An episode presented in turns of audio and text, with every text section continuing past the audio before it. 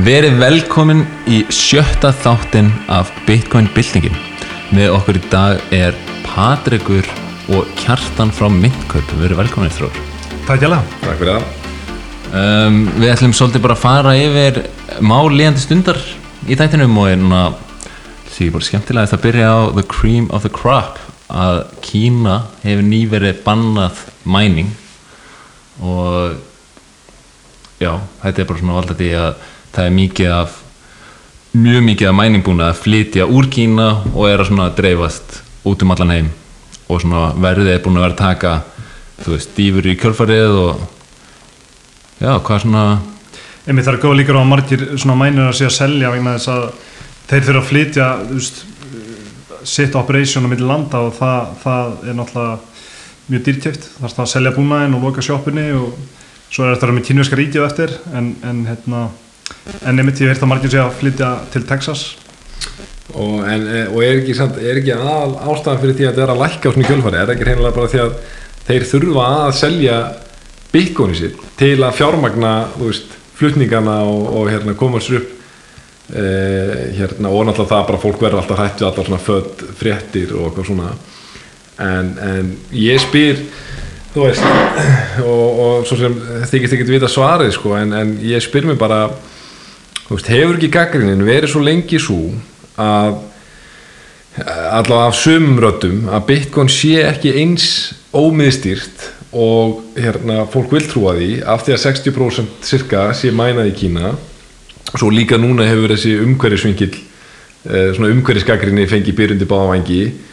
eins ósamála og ég held að við allir hérna séum þeim póli en þú veist þá er þetta verið relevant issue. Og þá spyr maður sér þú veist ok, slæmt short term fyrir, fyrir hérna, verðið en er þetta ekki veist, er þetta ekki að leysa einhver, einhver eh, hérna, einhver helstu gaggrinni af hólmi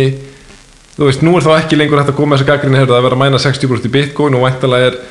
það bitcoin sem verður mæna þá annars þarinn í Kína gert á umhverjusvæni máta þar sé í augum þeirra sem eru þeirra skoðan eru höfuð að bitcoin sé óumhverjusvæn sko.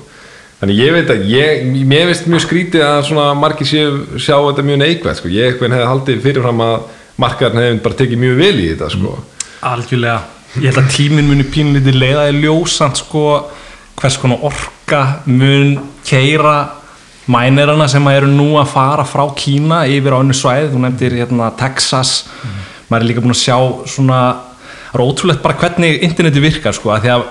um leið og fréttinar komu um að Kína væri búin að banna að mæning með óumhverjusvænum orku uh, forða. Nokkru dögum setna byrjaði að byrtast myndir á Twitter frá, þú veist, einhverjum kínversku mænirum sem voru að setja dótið sitt í kassa. Aðra myndir af einhverjum hérna, einhverjum gaurum sem voru að borða saman í Texas og skilabúin sem fylgdu með voru já, við erum að fara að keira miklu meir, fleiri mænar frá Kína hérna í Texas. Og svo er saman líka einhvað að það væri hérna verið að senda sagt, pakka af mænurum til Kazakstan mm -hmm. þannig að veist,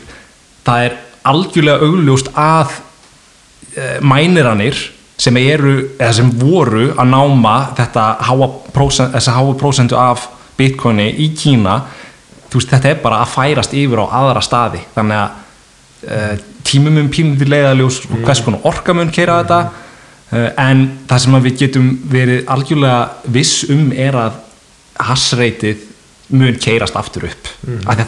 þessi tól er ekki bara að fara að setja í einhverjum skúrum og bara svona já já ok, Kína er búið að banna þetta við erum bara, fyrir núna að gera eitthvað annað mm -hmm, mm -hmm. það er, svo, það er ótrúlega að þessi komið aðeins því maður er búin að vera fylgjast með í nokkur orðin núna og það er alltaf þetta född bara Kína, Kína er að fara að banna Bitcoin -hmm. og það er mér gott mým að South Park karakterinum þar sem hann er, þú veist verðið er of hátt og hann er bara ah, fuck, verðið á Bitcoin svo hátt, við verðum að lækka bara, hvað getur við gert, skilur, og það er bara svona dreifum föttið að Kína sé að fara að banna Bitcoin, skilur um og þú veist, verðir bara við fregnir að þið verðið stundum að mm -hmm. detta niður um einhverju 20-30% skilur mm -hmm. um, núna er þetta búið að gerast mm -hmm. Og þú veist, og þetta er svona að gerast þá er maður bara svona, þetta er svo bullis af því að þú veist, bæði, eins og þú sagði, skilur, föttið er að flytja úr, þú veist, það er bara að hverfa, þú veist, að mæning sé miðstýrt við Kína mm -hmm. og ekki það að það skipta einhverju máli skilur mm -hmm. að, að mæning sé endla miðstýrt við Kína það gera einhverju leiti en, en það er bara dögt núna einmitt, eh, þetta er bara frábær þróun fyrir þá sem hafa trú á byggun að mínum að það allavega Ég myndi segja að það er einn mjög aðteklisverður punktu við þetta að því að svona, við erum mikið búin að vera hérna, með okkar podcast að tala um hvernig Bitcoin er hinn fullkomni peningur og ég var að hlusta á podcast um daginn man ekki hvað það var, maður hlustar á svo mikið að þetta fer alltaf inn að súpu þetta allir sko Akkurat. en það var verið að benda á að ef að við værum að horfa á að Kína væri að banna gullnámugröft þá væri námu sem sagt, equipmentið, það er, veist, það er ekkert að fara að fara en eitt annað. Nei, nei, þú ert með gull, ef þú, ef þú ert með gullfjall í Kína og það er allir búið að banna það. Hvert eru þeir að fara að fara þá? Þeir geta ekkert bara farið til annars lands og byrja að náma. En með bitcoin þá bara tekur þessi pínlutu tæki sem að ég hérna, ég hérna sagt vinum mínum frá því veist, ég, lýsi svo alltaf sem svona þetta er svona tæki eins og þeir notu í Ghostbusters veist til að ná í draugana það lítur bara ofti kanni út. Það er lítið tæki er geggja líki er geggja. Svo bara ferðu með þetta á einhvern annan stað pluggar þið inn búm, þú byrjar að einmitt, mæna. Einmitt á þessum nótum, þetta er ástæðan fyrir því að Bitcoin er svo gott fyrir þessi sveifluöfnun sem Bitcoin býður upp, upp á fyrir energy gridið því að við þurfum alltaf, eins og þegar við talaðum um áður að þar að við þurfum að áætla orkunótkun borga til að vita, þú veist, það er ekki hægt að geima hennar orku, batteríun er orðin nógu góð til þess að geima orkuna þannig að Bitcoin virkar sem svona fullkomis sveiflu jafn, uh, jafnari þú veist, þeir eru, þetta, er, þetta, er, þetta er svona buyer of last resort af orku stilu. þannig að það er bara að kveitja þessu slökka á þessu og eins og þú komst inn á hann, þetta því þetta er ótrúlega færanlegt stilu. þú getur ekki fært gullnámi en þú getur fært bitcoin námi bara mjög öðla og þetta er ótrúlega mikilvægt fyrir, þessi punktur alltaf eru mjög mikilvægur fyrir þá sem er að, er að gagna bitcoin fyrir óumhverfisvæna orkunokun stilu. En Ég er svo samlega, þetta er bara, veist, eitt af stærsta að geta verið með bæjar og flestir sort bæði, þú veist, gæti við til dæmis bara jafnátt greiti hérna heima þannig að öll umfram orka væri farin í bara að mæna skilur en, og, en líka, þú veist, að geta byggt upp greit í löndum þar sem, þú veist er, er þú veist, erfiðari aðstæður að þá getur verið með og flestir sort og byggt upp uh, greiti sem þú þarf til að, þú veist viðhalda. Því að það er erfitt skilur oft í löndum skilur svona þriðaheims ríkis löndum að þá svona þá þarf þetta að byggja upp griti fyrst og síðan vonast til að verði kaupendur fyrir það eftir tíu ár. Og það er svo ógæslega erfitt. Akkurat, sko. en leður þú nærða að byggja upp að því þú veist þú ert með kaupanda að þá er miklu öðöldur að, að, að gera svona inf infrastruktúrinu og svo eitt, ef að, ef að stjórnvöld þau taka þá ákvörun að bara, ok, við ætlum að banna núna bitcoin mining, skiluru þá er það bara þannig. Bitcoin er ofbeldislaus bilding og þú neyðir engan til þess að taka þátt. Einmitt. Þannig að, ok, Kína er búið að taka þessa ákvörun ekki líðræðislegt ríki en bara so be it skilur þeir eru búin að taka þessa ákvörun og þá fara þeir bara eitthvað annað. Þeir fara ekki til einhvers land sem að leifir ekki bitcoin á með gröft. Það var mjög aðtiklisvert að sjá til þeim ég sá hérna grein í fréttablaðinu núna í vikunni uh, viðtal við eitthvað hjá HS Orku og hann var að tala um að þeir varu búin að vera að fá sagt, fyrirspurnir utan úr heimi uh, með bitcoin mining. Og bara eins og hann svaraði því þú veist, við, í, Ísland er ennþá pínlítið bara svona þú veist, hva, hvað er þetta bitcoin dæmi skiluru og maður er hérna við með okkar podcast og þið náttúrulega þú veist, það er allir, allir í þessari íslensku litlu senu að reyna að upplýsa Íslandinga, en þú veist, hann tók þann Póli hæðinni pínlítið að, hérna bara, já, þú veist það er ekkert pláss fyrir bitcoin mining hérna og við erum ekki að fara að uh, virkja neitt hér á landi. Og þú veist, það er enginn að fara að neyða HS orku til þess að selja einhverju sem þeir vil ekki. Einmitt. Þannig að þetta er bara þannig. Þá fara þessir hérna, munalösu kínvesku námugræftaramenn þeir fara bara á þá staði sem að taka á mótið þeim. Og þú veist, það er svo fallegt. Sko. fara til Texas, Kazakstan 100% sko. bara hvert sem er. Algjörlega sko. En ein, ein pæling, finnst eitthvað mikilvægt eins og Elon Musk, hann, hann alltaf þarf að vera ég veit ekki hvort hann trúir sjálfur hann tala alltaf mjög mikið um svona þessi global warming og þessa, þessa hluti stíl. og það er ástæðan fyrir því er að hann er náttúrulega Tesla er að fá fullt af subsidies er að selja einhverja kredits og okkur dæmi þannig að hann er alltaf að að vera incentivized í að vera að tala svona eitthvað já, við viljum bara nota Bitcoin ef að um, ef að þeir eru með þú veist, nota mesta umhverfis Held að hann hafi sagt að það veri 50% já. einmitt, af því að hann sem er er að nú ta- þegar komið, er það ekki þú veist allavega það er, er erfitt er er er- að- erfitt- að vita sko, en, en, Ok. en, en ég, það, ég fekk smá á tilfenginu að hann var að nota þann bónum að fyrir honum, þú veist, hann fyrir honum er Tesla mikilvægur en Bitcoin stilu Mhm. þú veist, ég held að hann hafa alveg trú á Bitcoin og hann er með background í, í, í gegnum Paypal stilu þannig að þessi gaurar sem stofnið Paypal, þú veist, Peter Thiel og, og, og Elon Musk, þeir, ég held að skilja þetta alveg þú veist, Elon er oft skrítin á Twitter og maður veit ég alveg hvað hann er að pæla stilu en hann er miklu dýpar en það heldur, veist, þessi maður var ekki að senda Flores til Mars og ef hann væri við eitthvað svona ruggldaldur eins og hann eh, virðist vera á Twitter stilu Nei, ég er svona einhverju leiti sammálaður en ég er, þú veist mjög mikill Elon Musk uh, fan. Ég var, He- ég, var, ég var, var það líka sko. Ég var að byrja að verða það þar til þetta gerist. Og nú er ég eiginlega bara daldið þú veist, veist, mér finnst þessi hegðun Mér, mér finnst hann áður vera bara fremsti gæinn í, þú veist, það sem heitir að hugsa út frá fyrstu lögmálum eða Einmitt. svona 100% first principles thinking skilur Einmitt, sko. og hef heyrt frá bara eins og hann uh, einn af top gæðum hjá Intel var hann uh, podcasti á Lex Friedman og var að lýsa yfir bara hversu góður hann er í því mm. hann er bara constantly að hugsa út frá fyrstu lögmálum Em- einmitt. og hugsa alltaf hann, veist sem er ógeðslega erfitt að, þú veist, að vera constantly að ná að hugsa þannig sko en að ég held að þetta sé samt blind spot og þú veist, hann var proponent af UBI já, og svona fyrir þá sem vita ekki þá er UBI svona Universal Basic Income. Það er svona basically bara andstæðan við Bitcoin. Það er á sérsmið bara miðstýrin aðla sem er að gefa þegnum pening inn- innan kerfisins. Og er oft talað um svona, þetta er svona síðasta skrefið í þessari sæðlabanka hann að World Order Já. concept, já, já. að þeir byrja að þú veist gefa pening og, og, og Elon Musk hefur verið proponent af því. Það er alltaf mjög vinsalt í Silicon Valley hérna, þessi UB, UBI pæling en, og, en hún stangast alveg við Bitcoin. Þannig að það er svona sem er kannski bara svona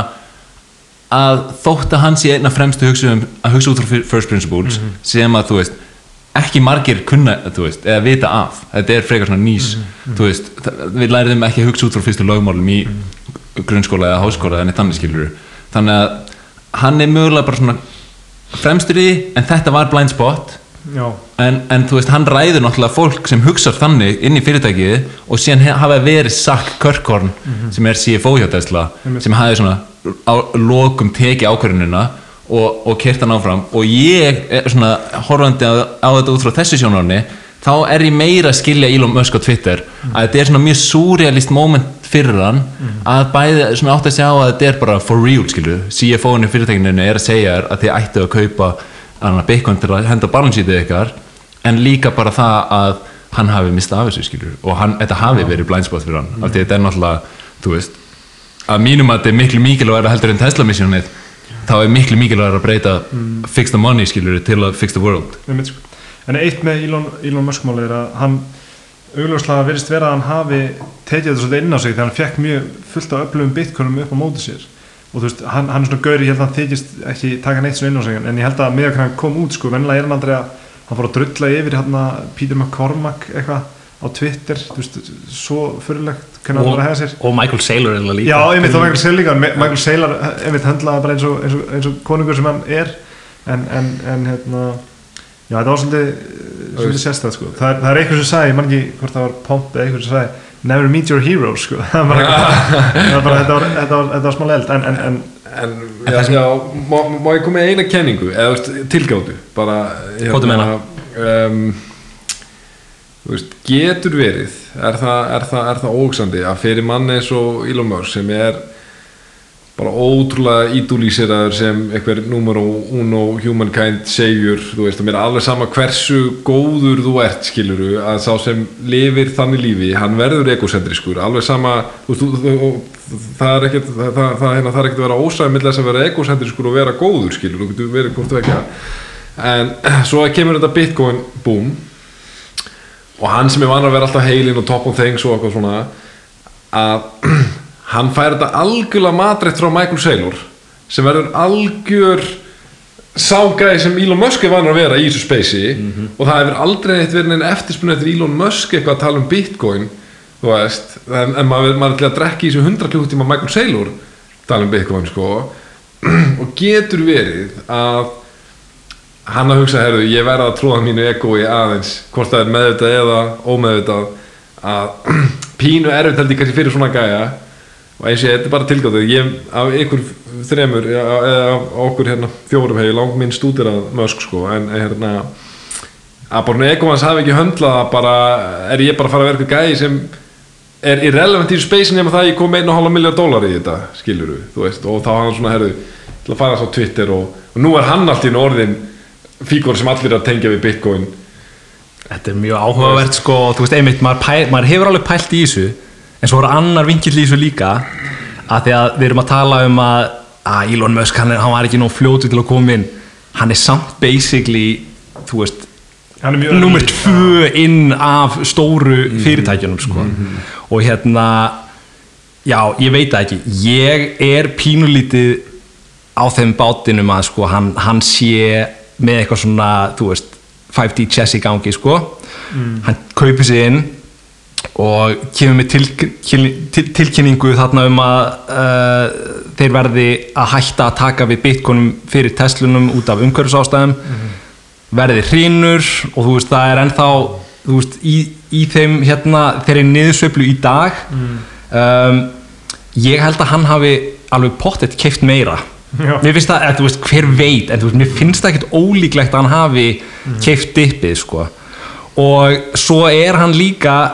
einmitt með einhver svona dipsitt að hérna uh, tala um altcoins á, á Twitter. Ég bara veldi fyrir mig hvort að hann sé að gera þetta vísvitnandi til þess að láta fólk vera að selja bitcoinu sitt fyrir einhver altcoin svo að verði geti farið ennþá meira niður svo að hann geti keift það og hann er með eitthvað svona, þú veist, ég er að hugsa 200 ár fram í tíman og ég vil eiga þessi bitcoin fyrir eitthvað en fólki sem að er það vittlust að kaupa já, ég veit það Það ekki. Ég- ég er ekki þar. getur vel verið en, en, en það, það er, þetta er líka óslega hættulegu leikur fyrir hann sko. Af því að þú veist, hann var með SEC á eftir sér eftir þetta tweet þarna taking Tesla private at 420 fyrir nokkrum árum stilur þú veist, hann, eða, veist, hann, hann gæti lent í algjöru vesinu líka ef hann er í alveg eða kemst upp um það að hann sé alveg að manipulita markaðin svona, en reyndar vantar eða skortir regulations Ég held að hann finnst þetta bara surrealist og hann er bara svona svolítið að gera svona hann er, ég held að ekki sé ekki vísfindandi að reyna að dömpa markaðin ég myndi frekar sjá fyrir mér, þú veist, Zach Kirkon hefur tekið ákvörðunina Elon fær massíft backlash frá environmental movementinu í kjölfarið Já. og hann tekur þessa ákvörðun veist, þannig að næra að setla við Zach þannig já, við náum að halda Bitcoin á balance sheetinu Já. og hann er að setla við environmental listana þegar hann segir, skilur, við tökum ekki lengur við Bitcoin Einmitt. út fyrir en þeir, það er orðið umhverfisvænt sem náttúrulega meikar ekki neitt sens Nei, það meikar og, og þeir voru ekki sko. búin að selja eina Tesla fyrir það en, en hvað, þú veist, finnst fárálegt að hann sé búin að vera að pumpa allcoins, finnst það bara, bara svona sorglegt. Og, og það lætur mér svona ennþá frekar áttum á, já, hann skilur ekki hvað er í gangi almennilega ennþá. Nei, nei. hann er ekkit endilega, endilega alveg búin að veist, og er ekki alveg að skilja hvað er í gangi og frekar þá svona að reyna mess with the SEC skilur með, þú veist, hann gerir tweet Canada, United States of America, Mexico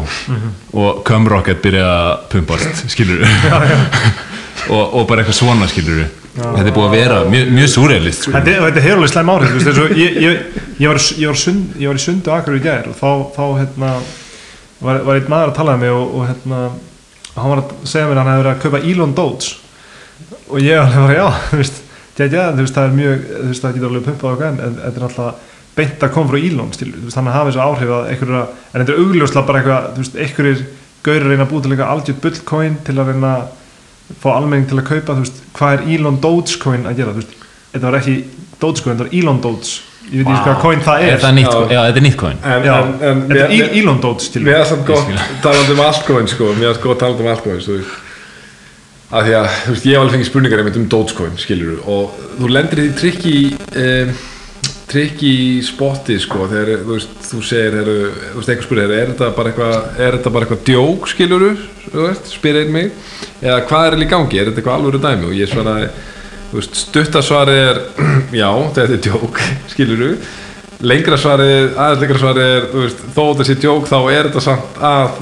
hækka alveg gengdalust í verði sko. Og það er ekki þetta að neita því skilja þeir sem, þeir sem fara inn og út úr þessu skilur hérna högnuðust sko. Og mér varst Mark Cuban eh, svona orða þetta mjög ágætlega. Það er bara saman hvað þú segir Dogecoin eða bara þessi shitcoins öll sko. Þetta er miklu betra en lottóið og markkópurinn og mindsetið af þeim sem er að fara í þetta er daldið þannig skilur og þá hugsa maður veist, ok ef þú ert með markkóp eða mindset sem er til í að skilur setja 50 skall á, á 10 leiki á EM skilur veist versus að setja 50 skall í eitthvað shitcoin æ skilur þá ertu með svona hérna Uh, já, mér eftir Mark Jú og sagði bara, sagði bara, þú veist, jú, jú, ekki fundamental segja neitt á bakvið þetta skiluru en þú veist, ég veit að pumpar uh, og, og mindsetið er, veist, bara í gambling skiluru, þú ert ekki að kaupa inn í eitthvað um, eitthvað svona, hvað ég á að segja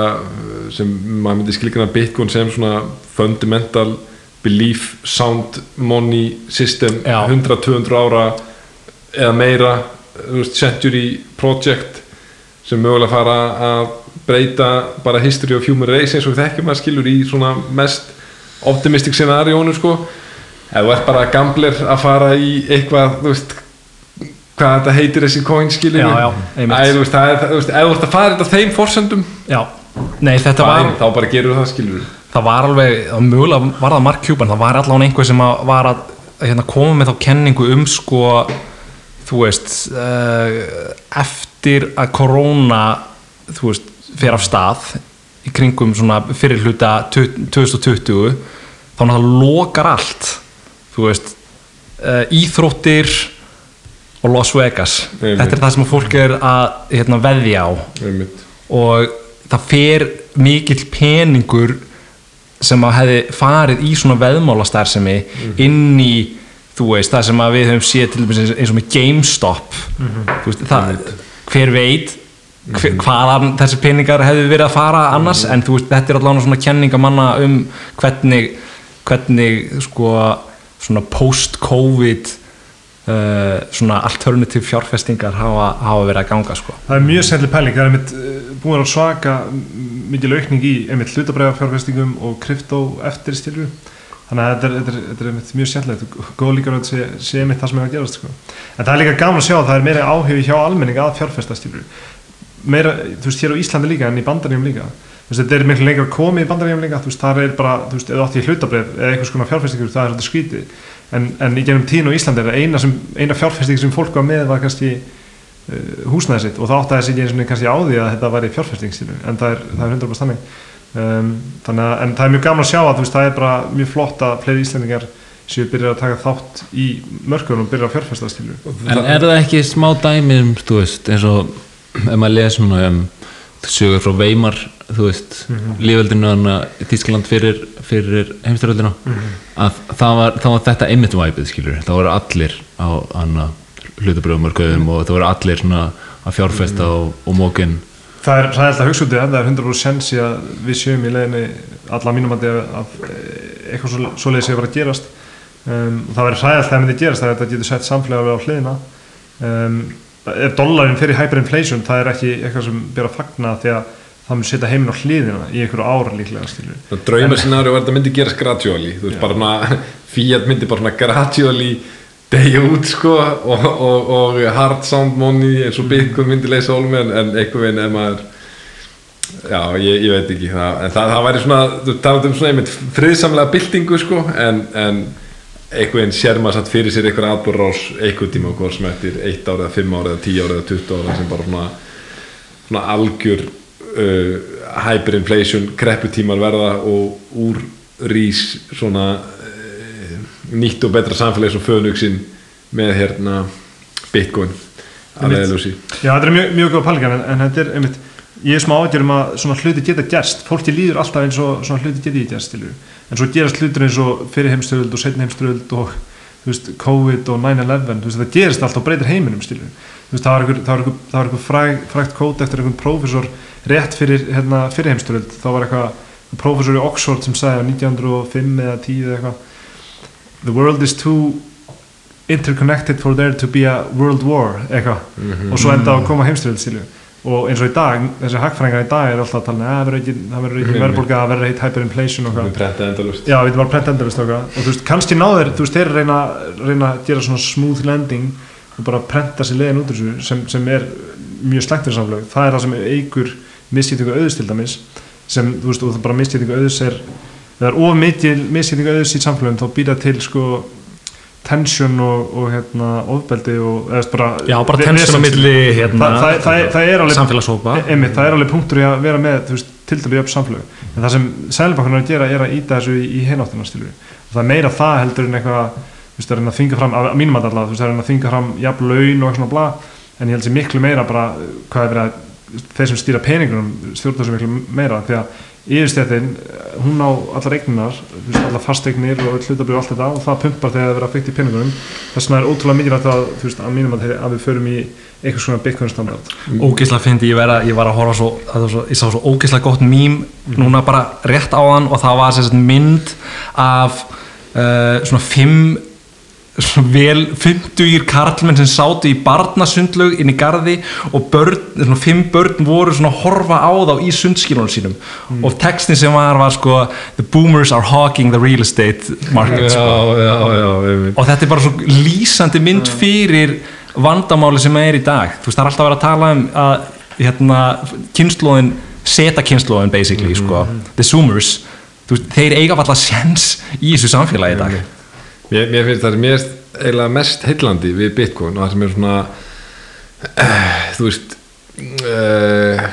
kom manni klárlega mest á óvart svona eftiráhyggja því auðvitað fer maður bara í þetta space fyrst eins og svona gateway, einhverjum með eitthvað gateway veist, ég fór bara með gateway, gateway alltaf ok, með myndgöp, Patrur nálgast með en svo bara sniðu fjárfæsting til að hagnast veist, þetta var ekki,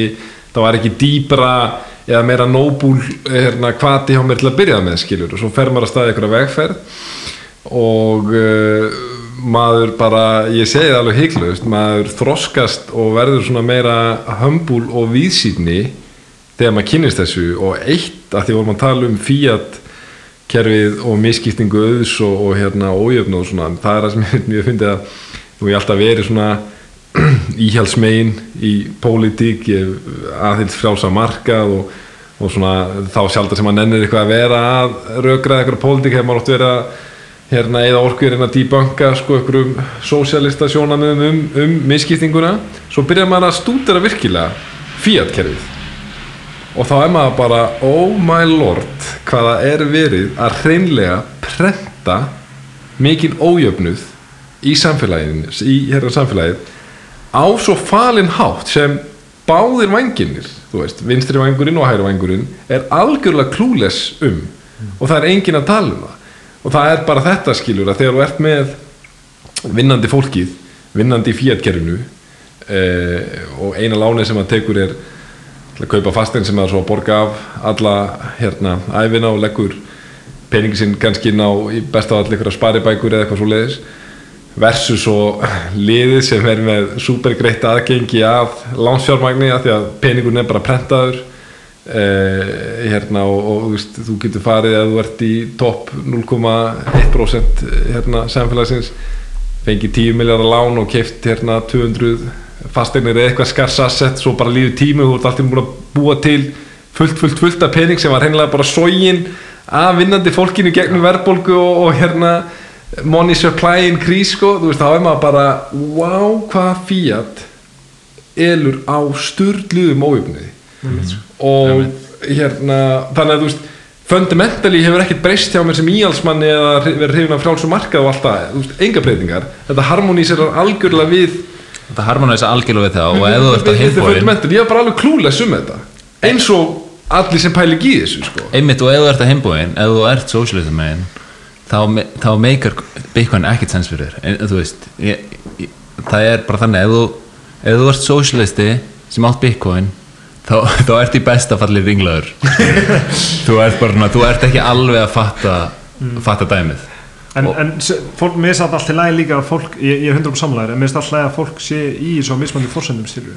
það, er, það er styrku bit Og það, það, er bara, það er bara góð lagi, finnst, finnst mér alltaf, að 100%. sömur eru bara, þú ítur að vera vinstisinaður og vera bara eitthvað, ég ætla að ákveða fjárfæst í Bitcoin bara því ég held að sé bara fín svona short-term fjárfæsting og það er bara góð lagi styrju. Já. En þetta mun alltaf þróast einhvern veginn og þetta er líka, þú veist, með sumir ekki að vera að tala um, sum, þú veist, til einn gagn á Bitcoin er að hérna í, í white paperinu tala um peer-to-peer cash stilu og núna er þetta miklu meira svona of value og þú veist, þetta er eitt notað í day-to-day transactions ekki, ekki strax stilu, það, ég tel að mér gerist það endanum með lightning og, og bara eftir því sem fleiri að dofta bitcoin. En þá er þetta í rauninni hérna já, ég týndi aldrei að þræðinu A- að að það var að einhver gaggrinni á já, Tindur það með, en talandi um lightning þá langar mér svolítið að koma inn á að, Mhm. að, að einmitt, þú veist núna nýverið, þá er El Salvador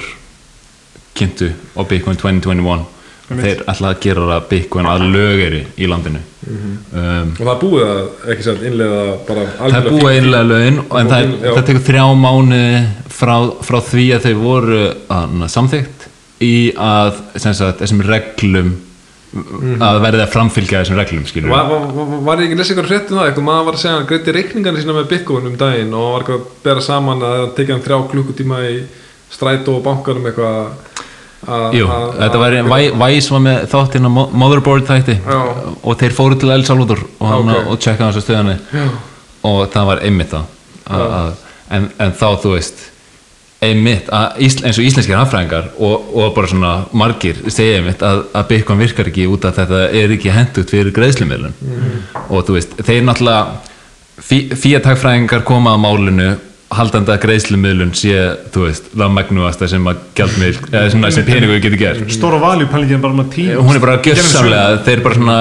þeir pæla ekki einu sinni í því og, og, og alltaf það að það er orðið neikvætt í þeirra augum. Já, að að peningur pening. já, því að þá Galið, hortar pening Já. skilur og er náttúrulega algjörlega galin hugsun að þú veist, þetta er bara svona næstu bara svona stríð gegn sparnaði. Einmitt, einmitt, einmitt. En, en að þú veist að nú er komið þetta land sem er að fara að byggja sína greiðslumiðlun á Lightning Network sem er náttúrulega byggt ofan á, á Bitcoin. Og þannig að já, það er bara magna er þið búin að vera fylgjast mikið með það? Ég er, ekki, ég er ekkert mjög djúpur í, í Lightning en við erum með tæknistjóri myndköpa er mjög hérna, vel að segja í, í Lightning. Og þetta er eitthvað sem við höfum verið að ræða og það er svo næsta skref hjá okkur. Þú veist, við vorum að koma appin út það var hérna, bara búin að lonsa því nú nýlega. Það er verkefni sem gangið mjög langar tíma. Það tekur, tekur þú veist, við vorum yfir ári að þróa þú veist, það tekur tíma að gera velunni app.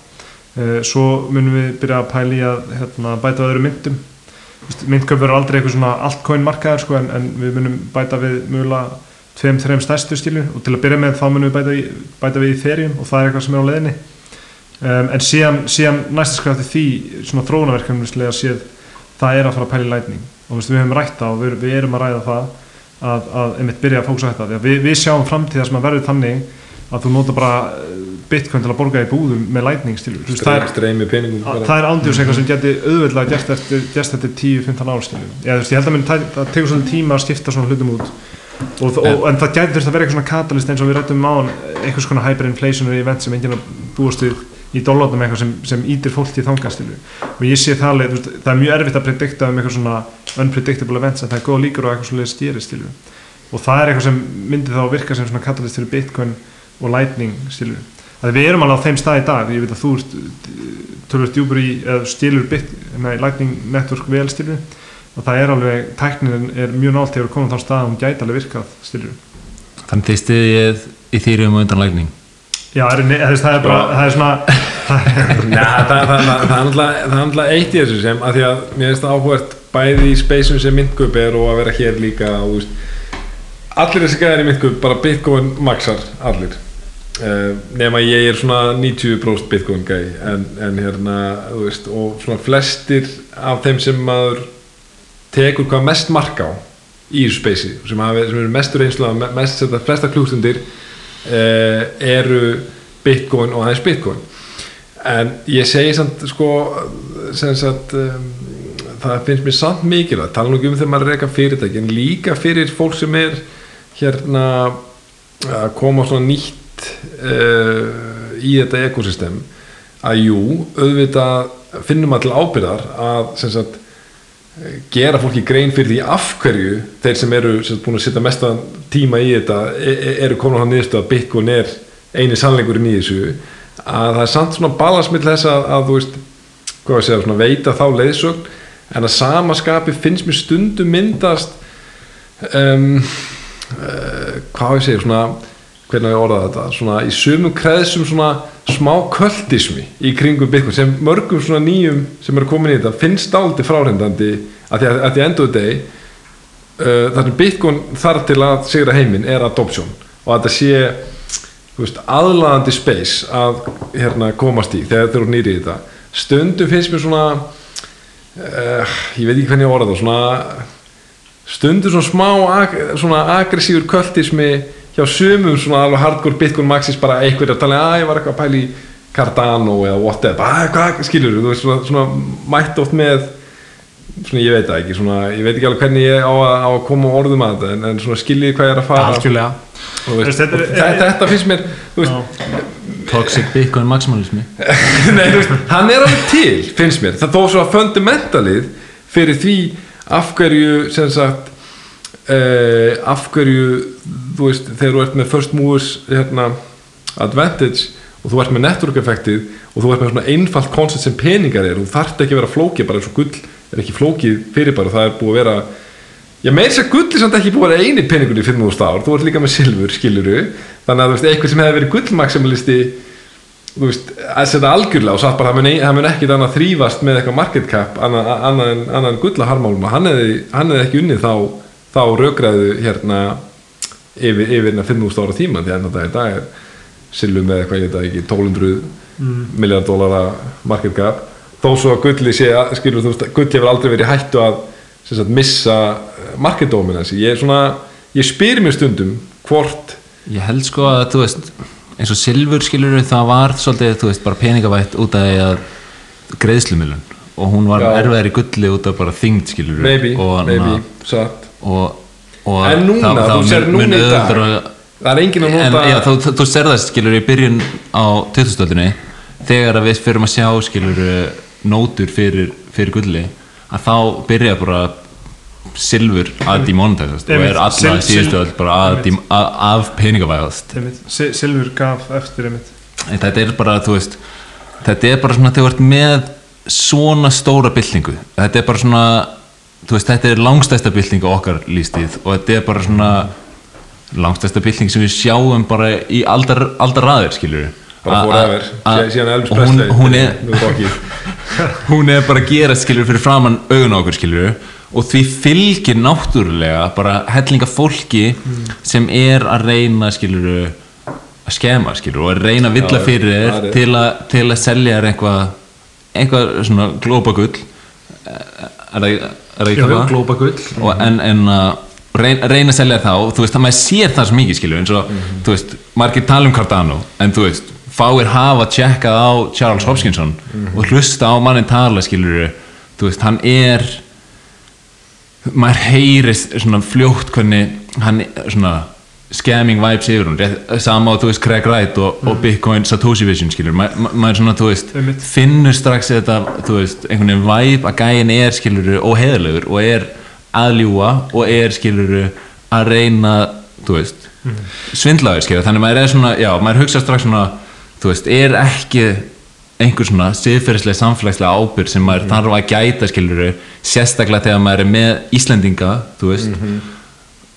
og svona, þú veist og er að senda skilur vinu og vandamenn og þú veist, Klárlega. það, það villir, villir svo mikið fyrir skilur bara svona, hei, hvað er þetta í þýrjum Einmitt, og, og, og, hvað? þú veist, það er eiginlega í rauninni bara á, sko, þegar ég kem inn í þetta alveg nýr, skilju, ég er, náttúrulega búinn að- ég er ekki búin að vera í þessu spacei síðan, þú veist, ok, ég kem inn í þetta space 2019 þegar Patrik nálgast mig, en ég verð ekkert, þú veist, ég, ég er ekkert farin að vinna eitthvað mikla heimaðin í þessu spacei fyrir en svona,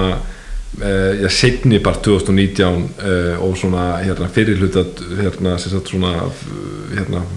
fyrstu mánuð 2020, þá byrja ég svona virkilega að fara í þessa kanninhólu og ég var strax hrifin að segja við Patrik hérna eigum ekki að vera með meir en bara Bitcoin? En Patrik er nefni hennar punkt skilur hann sagðist, ég hef bara trú á Bitcoin í þessu speysi og við erum að setja orðspor okkar á línuna veist, og það er þannig að þú veist, svara spurningunni með mitt samfélagslega ábúrð, það er ástæðan fyrir því að minkum er bara með Bitcoin núna. En svo er þetta veist, sagt, og, hérna uh, svo er maður að reyka fyrirtæki og það er bara staðan eins og það er rosalega eftirspurn sérstaklega eftir Ethereum. Og þú veist, við höfum oft verið að taka þessa umræðu og ég verið aldrei fylgjandi því, veist, mér finnst að við höfum að bæta við þýrjum og svona Patrik ekki svara fyrir, fyrir, fyrir sjálfsveina, hann hefur verið svona tregastur í það af því að einmitt, af þessum punktum. Þú veist, það er alveg einmitt ástæða fyrir því að við erum ekki löngu búinir að bæta við þeirri umstilu en núna, einmitt, þú veist, það er fullt af fólki sem, sem hefur, þú veist, ég vil, ekki, ég vil heldur ekki vera þar, sko, ég, ég er að söpa um Póla Andres Antonopoulos til, þú veist, ég er, ég er ekki að því að þú veist, ég held að Bitcoin sé lang mikilvægast innovation í þessu spacei, en ég held að sé að fara að koma fullt af öðrum innovations út úr, út úr um, þannig að, og ef, einmitt, þar, við erum að fá mjög mikið af fólki sem er að byggja um uh, að við listum Ethereum og þú veist, við erum bara að svara því þú veist, við erum alltaf fyrirtækir sem við viljum einmitt fylgjast með hvað hva viðstæðinu okkar vilja gera líka sko. um, en, en hérna Já. en, en hérna en, en þetta verður aldrei þannig að við verðum með eitthvað, eitthvað, eitthvað Binance Íslands til þú veist, það er bara, ef fólk vil vestla eitthvað shitcoins þá geta þær það er sem margir hafa að gera, þeir sem vilja vera þar þú veist, þeir leggja inn á myndkaup senda bitcoin á, á, á Binance og kaupa eitthvað þar einhver altcoins og það er bara góðu lægi sko. en Binance er líka á hættlum stað í dag það, er, þeir voru, það verður að loka á hérna í Breitlandi, Bretlandi. og Kanada það er nefnilega máli og maður hugsa ráð svona hvort þetta sé þú veist bara svona þú veist, svolítið high time preference hugsun skilur við, Einmitt. að hugsa bara svona já við getum grætt meira núna Einmitt. en þú veist, en, hva, en á hvers kostnar og hvað mun það þýða í framtíðin eins og Binance núna, en þú veist er byrjað að loka niður á og manni finn svona þá enn, en, þú veist ég veit að þú þekkir á pókarnum kjartan en þú veist, það var 2011 að þá kom bara svona þessum kallar Black Friday og, og svona alla stæstu síðan bara lokuðu samdægur og mann finnst ennþá eins og eða eftir að koma eitthvað þannig í kringum innan verið sko en, en Þetta er- er mjög mikið þetta er vestri. en, en, en, vestri, en, en sko. mér finnst samt, þú veist, sko, ok, þú veist, það er klála balans milli, þú veist, um, ég er sammólað þessum punktum og sjónamiðum um samfélagslápir sem er eins og við tölum um uh, ástæðan fyrir að þetta er ekki löngu komið en uh, það er líka sko uh, þú veist mögulega á einhverjum tímapunkti ef maður farin að jæðra við forræðisíkju jafnvel þó maður hafi rétt fyrir sér. Er að fara skilur. Veist, það er að segja maður getur að halda þeirri sannfæringu. Herru, það er bara sannleikur í þessu og þegar framlega stundir þá verður þetta allt búið að trenda basically nýri núlgafast bitcoin. Um, en veist, og, og, og, og skilur maður mun aldrei fara lengt með þá hérna e, þú veist þá, þá afstöðu en ef fólk vill skiluru kaupa annað þú veist, ég meina marga góða vini sem eru í fullt af coins og þú veist, hvað á ég að segja skil, eða, þú veist, skilur mig? Ég skil pointi, þetta er svona, þú veist, þú ert of að fara að segja við vinin, ekki kaupa þetta snikkæskallin minn, það er ekki gott fyrir þig, ég, skil það alveg. Og fólk náttúrulega bara að stjórna sínu lífi sjálf, það sjálft skiluru, en ég held að sko vandamálið við altcoinin eru að það er búið að peningavæða einhvers konar uh, entity sem að mun aldrei verða að peningi. Einmitt. og þetta skiluru þegar þú byrjar að skilja hvernig peningar vir- virka sem fundamental og hvernig bitcoin sem upp- uppgötun í raun og veru á fullkomnum hörguli perfect scarcity getur ekki verið fundin upp aftur. Og þú veist þetta er ástæðan fyrir því að við hérna komum með, þú veist við reyndum að negla þennan punkt svo hart inn í fyrstu þáttunum okkar. Bara til þess að kynna fólki fyrir mikilvægi uppgötuninni sem, sem Bitcoin er að koma með til mannkynsins þannig að sko fólk getur gamla með peningana sína eins og, eins og það vil en ég held að bara að skilji það að sko suma altcoinsunum eru bara náttúrulega algjört kjaftaði einmitt. en svo eru, ég get alveg sagt það að mér finnst þú veist, ég, ég er ekki að rannsaka altcoins mikið núna en ég held að sé pláss fyrir nýjar uppgötanir í einhverju tækni sem að mun síðan bæta bitcoin uh, core. Bara upprunalega bitcoin af því að þú, það er lifandi software. Einmitt. Svo, svo, svo er náttúrulega sum þú veist um, sum assets þú veist, í þessu kryptospace sem í raun og veru þyrft ekkert að vera krypto eða, eða er ekkert með eitthvað þú veist, the cost of money eða eitthvað eins og til dæmis mikið af þessum kaupallar coins. Þar sem þú ert raun ekki að gera annað en að þú ert að versla þér VIP-punta basically, þú ert að, þú ert að, þú ert að kaupa betri kjör sem eru exchangeable skilur og það er, veist það tengist ekkert neinu innovation sem eitthvað crypto asset sem bitcoin er, þú veist, þetta þyrfti ekki einhvern veginn að vera crypto dæmi þetta geti alltaf bara verið Bara veist, Íslands- bara, bara VIP-punktar skilur Já. sem eru transferable á, á þú veist, einhverju um, en einhvern, allir sem er í þessu space eru alveg svo fastir í að gera allt blockchain based cryptocurrency en það er líka eitt sem, sem ég að, þú veist, góða punkturinn er þetta heppilegt hugtak okkur, kannski, jú, vissulega, þú veist, þegar framlega stundir og lightning verður orðið hérna bara leiðandi greiðslu meðluna tækni, ok, en, en fram að því þú veist, er þetta endilega heppileg nafngift cryptocurrency? Þú veist, ég persónulega er miklu hrifnari eh, af svona Michael Saylor nálgunni líta á þetta sem crypto asset. Og það að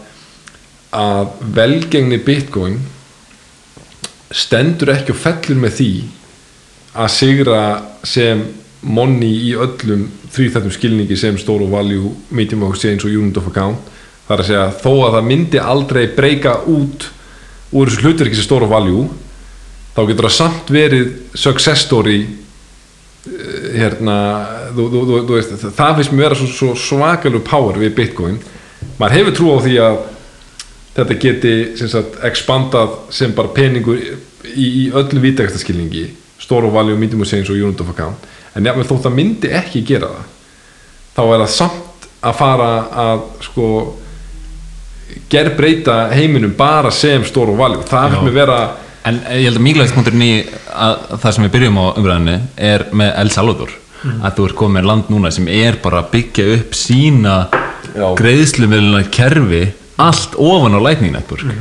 sem er alveg magnað. Og þeir eru, þú veist, bæði að gefa út sitt eigið app en líka þá er náttúrulega Strike virkar í hana, El Salvador og eru núna held ég bráðum að hætta með USD Tether tókunnið og, og eru bara beint að tengja við banka í El Salvador. En þá er allt í einu þá er allt í einu lætning árið kerfi sem er bara að græja greiðslumiðlun fyrir heila þjóðskilur. 6 miljón manns. Ja, rosalegt það er svakalegt sko. Og, og þú veist þetta er orðið currency. Já, Þetta er bara- það er ekkert að neita því, klárlega. Þetta er bara, þannig að þetta er svona fyndið með oft global skilningi en- með, íslenska hafræðingar sem komum bara svona nei, þú veist, þetta mun aldrei virka Nei, sem greiðslumið þetta er orðið bara, orðið skilur Akkurat, og, og þú veist að, að, að, og það er auðvitað að, að byggt ofan á lætning sem er, þú veist, þetta magnaði kerfi, sko. þetta mun minn. Ég, ég, ég horfi alltaf á þetta eins og ég samlæðir að Bitcoin er bara stærsta innovationið eh, okkar kynnslóð en, en interneti er hann að way up þér með því, þú veist, það er eitthvað sem breytir heiminum skilur og þá var einmitt svona myndaði svona samfélagi kringum fólk sem var bara holy shit, þetta er að breyta heiminum. Og þá er alltaf fullt af fólki sem er alltaf bara eitthvað svona yfir aukslum að bara já já, whatever skilur, þú veist, fólk var ekki að átta sig á the magnitude á, þú veist, á, þessu innovationi. Og það nákvæmlega saman í gangi með, með Bitcoin skilur. En, en ég sé, þetta mun, og svo mun það þróast einhvern veginn skilur, netið þróast einhvern veginn þú veist, í byrjun var netið, þú veist, svona eitthvað einhver irk og eitthvað svona klikka og svo kom eitthvað svona YouTube og það var eitthvað sem allir byrja að nota og svona komið svona, og núna er þetta orðið með eitthvað svona consolidated markaðar sem er eitthvað svona stóri tindar og þú veist, þeir eru byrjað að regulate eitthvað, þetta er orðið svona miklu meira svona þroskaðara þró, þróskar einmitt sko. En það er mjög erfitt, þú veist, eins og þetta er 1990 og eitthvað, það er mjög erfitt að sjá fyrir samfélagsmiðla og hvað áhrif það myndi hafa, hafa stílu og það er sama með, með Bitcoin að, þú veist, við erum að sjá Lightning, við veitum eitthvað að, spil, að að spilast. Og þetta er alltaf spennandi, við erum miðjunni á þessu og við erum að pæla í þessu sem er geðið spennandi. Mm -hmm. þess að við erum miðjunni þegar internet er að byrja að vera bara brainstorma hvað er að gerast. En þannig að er mjög erfitt að sjá nákvæmlega en þú veist, einlegin er að þú veist, Lightning verður bara notað í allt stilu einlegin er bara að segjum að koma eitthvað hyperinflation event og, og, og, og hérna, þjóðir munu vera bara með bitcoin bakkaðan, þú veist, ímyndar íslenska krónan var í bökkuð af,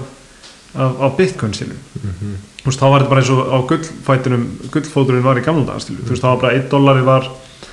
svona mikið af gulli stilu og þú veist, ég, ég, ég sé það alveg sem jákvæmt stilu, eitthvað svona raf króna sem er bökkuð af bitcoin, þú veist, það var líka alveg óskandi aðstæði, þá, djá- af því að þá var líka transparency þú veist, þetta er eitthvað svona, eitthvað svona cryptocurrency sem var þá, þá er transparency á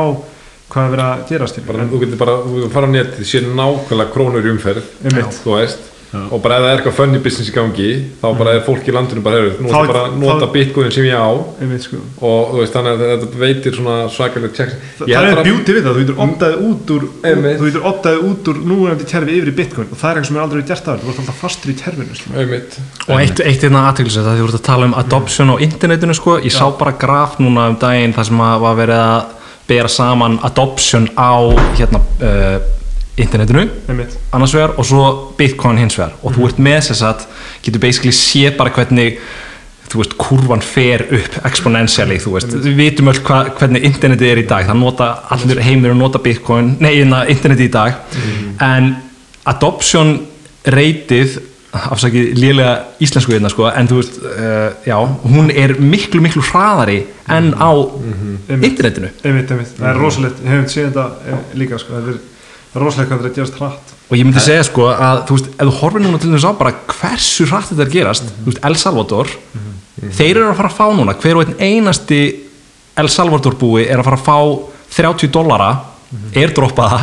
í ríkis lightning veski sitt í september sem þýðir bara, þú veist, þeir eru komin 6,5 miljón nýjir notendur af bitcoin.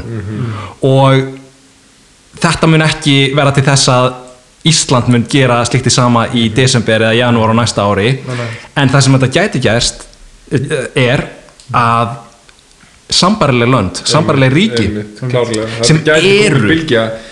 klárlega. Bara í vandræðum. Við erum ekkert í vandræðum, við getum fara út í búð og keift okkur kálhausa skilur en í þessum löndum, fólk á það bara virkilega bátt þannig að þjóðhöfðingjar ríkja sem eru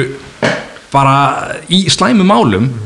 þeir horfa til El Salvador núna og maður sér bara hvernig þeir eru að hafa samskipti við hvernig annan í gegnum Twitter með því að setja upp laseræs þetta er bara Já. crazy. 100%. að vera inn í þessu eins og þú segir. Þetta, er- þetta er einmitt sem er mjög leiðilt að Ísland er svona háþróað hérna,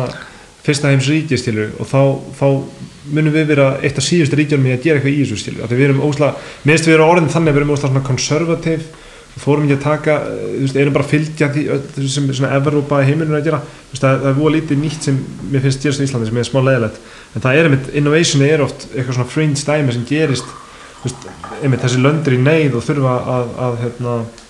að, þú veist, og er líka háð dólarum svolítið og þá er, þú veist, svolítið undir bandaríkjunum. Þannig að þetta er- óslega svona þetta er svaka, veist, þe- þetta er svona að tala með að Bitcoin hefur bara geopolitical bara afleggingar og konsekvensi stilu, þetta er, er verður ótrúlega gaman að fylgjast með hvernig næstu 5-10 ár spila stilu Ja, bara ótrúlegt. Og sérstaklega að sjá eins og Kína skjót sig í fótinn, banna mæning og flytja bara allt þetta innovation út úr ótrúlega landi að Kína gerir þetta. Ágríns þeir eru bara svo miklir maður, maður hugsar kannski 4D chess en það meikar ekki sens þeir eru bara svo miklir authoritarians þeir Þetta er þetta fer bara gegn þeirra stefnu að að þurfa að stjórna öllu. Og þeir halda þeir geti gert eitthvað svipað og þeir gerðum interneti, banna Einmitt. og síðan á gætu, eða gætu verið bara drastísk mistök fyrir það sko. Þetta, þetta eru það, og, en þetta var líka bara komið tími á þessa Kína hugmynd að þú veist, það var komið gott skilur og bara svona, það er bara svona thank god að þeir, þú veist séu ekki stakka, skilur og, og frekar löndin svo El Salvador og eitthvað fái núna svona séns. Og ekki bara eins og þú veist, eins og Suður Ameríkulöndin hafa orðið undan dólarum eins og segir, þá er þetta líka eins og mann læst nýlega grein sem ég mæli virkilega mikið með með Alex Gladstein um hérna Afrikulöndin og, og svona nútíma svona nýlendstefnu Fraklands af því að vera með þú veist 15 Afrikulönd að nota CFA frank sem peningur sem þeir gefa út og, og þetta eru 15 Afrikulönd sem eru að nota hann t- 200 miljón manns þannig að þrefaldur íbúar sem búa í Fraklandi og eru allir að nota hennar pening sem er bara gjörsamlega styrður í Fraklandi og það er svona engin leið fyrir þessi lönd að komast út úr þessu út af, út af þú veist þeir hafa reynda en, en, en þú veist það, en það hefur bara verið komið í veg fyrir það að núna er komin þessi leið skiluru sem er ekki hægt að stoppa. Einmitt. þetta er, það er, þú veist. Þetta er, við erum að tala um sko ríki eins og ég held að það hafi verið Kongo sem að á basically bara allar rávörur í heiminum í landinu sinu þú veist, gull og uranium og you name it sko. Og til dæmis þá var tala um að sko eh, frakkar þeir eru að nota úraniumið sem að kemur frá þessu ríki til þess að keira upp kjarnorkuverin sín og þeir eru að borga bara skíðu ingenting fyrir þessar hráurur þannig að ert að þeir halda þessum ríkjum bara í sára fátækt. En við horfum til frakka og segjum bara wow hvaða frakkar eru flottir skilur Einmitt. þú veist Þeir, jú, jú, þeir voru kannski með nýlendustefnu á 19. öld en nei, nei, þeir eru núna bara að hjálpa þessum ríkjum. Ó nei, ó nei. Þetta er alveg bara umurlegt ekki hafði maður hugmynd um þetta. Nei, nei. og þetta er einmitt, þetta, er það sem sko þú veist, það er svo obvious þegar þú stútur einmitt einhverja nýlandastefna á 19. öld, 18. öld eða whatever að hérna e, svona kúunin er svo obvious en með þetta Fiat kerfi sko og, og, og, og þá, þá þrýf svo um, mikill ójöfnur og ofbeldi bara má segja, maður lefir sér svona smá dramatíska hugtakanótkun sko, sem er einmitt, sem er svo fali að því að þú, þú veist Þú veist, þú ert að segja mér fréttir samt ekki eða skilur mig, þú, þú veist með, með, þú veist, Kongo sér- sérstaklega að segja mér fréttir en bara með, veist, þetta, þetta er um, og ég er ekki, ég, ég, ég held að við séum honum svo samdöina þessu kerfi að ég held að meiri sé að þeir sem eru þú veist, að beita kúunni skilur, ég sé að jafnvel ornir að ég fattur að þú veist, þú veist hættur að meðtaka hvað er í gangi, þetta bara er svona. Veist, ég, ég held að það sé í gangi ángríns með þetta fjötger, ég held að sé engin master manipuleyror í brunni í einhverjum selaböngum sko, sem er eitthvað bara, heru, við erum hérna með eitthvað agenda gegn fólkinu eða eitthvað, það er bara, þú veist sko, hérna, ég, held að sé bara búin að vera samdöin einhverju kerfi það lengi sem er unsound money leiðir að sér ójöfnuð leiðir að sér greitt filter og allt þetta það er ekkert eitthvað, ég, held að sé ekkert eitthvað mist, e, e, e, það, þú er engin eitthvað Dr. Evil sem er að, skiluru, sem er með eitthvað, með eitthvað masterplan, við bara erum með unsound money Mhm. Sem leiðir af sér hellingavandamálum og þetta er bara Bitcoin fixes this mýmið skilur Einmitt. það er enn og aftur, maður segir þetta við hvert einasta vandamál sem þú getur talið hérna upp, það er bara, já Bitcoin getur lagað þetta að því að grundvöllurinn af öllu sem við gerum í okkar sið menningu bara á jörðinni, bara sem mannkinni gerir, það byggir allt á peningum. Og peningurinn er bara ónýtur og við þurftum að koma staði með því að finna upp betri pening. Einmitt, og þannig að þeir, núna erum við bara það er 12 ár síðan að Bitcoin var búið til og það eru einhverjir þú veist, ég veit ekki, 100-150 miljón manns búin að hoppa á lestina og einhverjur af þeim eru algjörlega, þú veist, obsessed af Bitcoin eins og við erum kannski. Og þegar maður byrjar að kafa svo, svona djúft út í þetta veist, þá sér maður uh, sprungunar í kerfinu og að þetta er basically að liða sér sundur og þegar maður er mitt ber það saman við svona, þú veist, adoption curvið á internetinu og svo ertu með El Salvador núna fyrsta dominóið sem er búið að falla skiluru og er að fara að fella 50 ára gamla Fiat dollaran frá 1971 2021 í dag skiluru þetta er áhugavert og ljóðrænt. Mjög. Hvað haldið þið að þú veist, að því að mér er svo erfitt að átta sig á tímaramannum í þessu. Það er að segja þú veist, ef maður myndi bara horfa algjörlega hrátt á tölur til bara skuldir bandaríkina, við tökum bara bandaríkina bara skuldir bandaríkina og bara hvað er verið að ég meina hvað í fyrra var 27% aukning á money supply hérna M2 sem er aðal viðmið hjá þeim ofan á allar skuldir og nú er bara gengdalur veist, ef þú myndir horfa á tölunar og bara kemur sem geimverð þú myndir, myndir kunna hagfræði þú myndir ekki kunna neitt annað, myndir ekkert, þú, myndir halda bara heyrðu, það er óðaverðbólka í landinu. Eða, sé, eða þú veist, skiljiði mig þú, veist, þú myndir, þú verður mjög sjokkar að sjá að þetta er enn fungerandi system sko. Sem gera verkum að það er mjög erfitt að átta sig á er þetta að fara að spilast út á einu ári? Er þetta að fara að spilast út á tíu árum er, skilur, hvað getur haldið boltanum lengi. gangandi? Ég er aldrei að vonast til þess að þeir haldi boltanum aðeins lengur í gangi eins og þú varst að nefna bara á þann bara að því að ég held að hérna jafni út sveip the volatility í átökum og ofbeldi sem að gæti brotist út í kjölfarið Einmitt. þannig að, að hor, ég- horfa á klárlega. 10, 20 þú veist, 30 ár Einmitt. það skiptir mig í raun og ekki alveg máli sko, að því að ég bara ég veit að betri peningurinn mun vinna að, á endanum sko En ég held að það muni alltaf vera til þú veist, það verður, við erum, við erum löngu komin á þann stað að það verður alltaf hægt að fá einhvers konar lán, það verður alltaf eitthvað fíat terfi til, stilur þú veist, en ég held að Bitcoin muni, þú veist, þetta verður bara svona tvö kerfi sem eru, og fólk getur optað inn í hvort sem það vil stilu það er með párið í Bitcoin sem við talaðum á hana að þú getur optað út úr kerfinu sem þú aldrei hefur gert áður stilu en nú getur við gert það en ég held að, þú veist, við erum aldrei að fara þú veist, ég held að Fiat mun aldrei bara algjörlega hverfa að vera aldrei, þú veist, bara ekki til stilu finnst þér ekki líklegt að byrja að coexista eins og þú talar um? Jú, það er góðleikur stilu og svo gradually bara verður að vill enginn opta inn í Fiat-kerfið á endanum þá bara er engin nót fyrir það ég, Nei, ég, ég, einmitt, sko. mér finnst það að vera líklegt Það- ekki over night, sko. ég myndi það er heildast að væri við tækjum þú veist, ég veit ekki, 30, 40, 50 ára run of coexistence þú veist, sem gradually myndi bara fólk vera bara, hérna og, og þú veist, svo þurfum við að tengja allan heiminn við lightning eða guðmú veit hvað verður eftir 50 ár, þú veist, en hérna um, að þá er einmitt bara, herru förum að séu þetta, hvað er það sem hérna hvað er það sem, hver er nöðsunin með Ég veit, þetta er góð punktur. það, það, það, þetta finnst mér vera líklegt scenarjó af því að þú veist, það, það er eitt sem þú veist, mér finnst eitt sko, lán ég, meina, þú veist, ég sé ekkert neikvægt til það að lána pening, skilur ég sé neikvægt til það að lána og eins og sjáum gert í þessu kerfi sem við erum með núna, þar sem við erum að peningavæða skuldir þú veist, eins og við tölum um hérna ég var hérna í einu podcastinu þú veist, þegar þú er búin að peningavæða skuldir þú veist, að þá náttúrulega er voðin, voðin hérna vís en ég sé ekkert að því að e, vera með hard money system. Ég meina bara eins og ef við förum í hard money system eins og, eins og Róm áður en þeir byrja að þinna gullið bæði Austrómskaríki og Vestrómskaríkið e, ég meina, fólk lánar peninga skilur, þú getur að lána það, það er ekkert sem bannar að lána harðan pening. Um, þannig að þú veist að sumir tala um þú veist, að Fiat sé nöðslegt og að því að þú, það þurfa að hægt að lána pening. Það er hægt að lána harðan pening. Og sérstaklega þegar adoption cyclein er hann er hann fullkomin og þess, núna er maður ekki spennt að vera að fá lán í bitcoin og fara í einhverja framkvæmdir og þurfa að borga bitcoin eftir tíu ár skilur af því að þú veist, við erum enn í adoption cyclein en þegar, þegar, þegar hann er fullkomin þú getur reikna nokkuð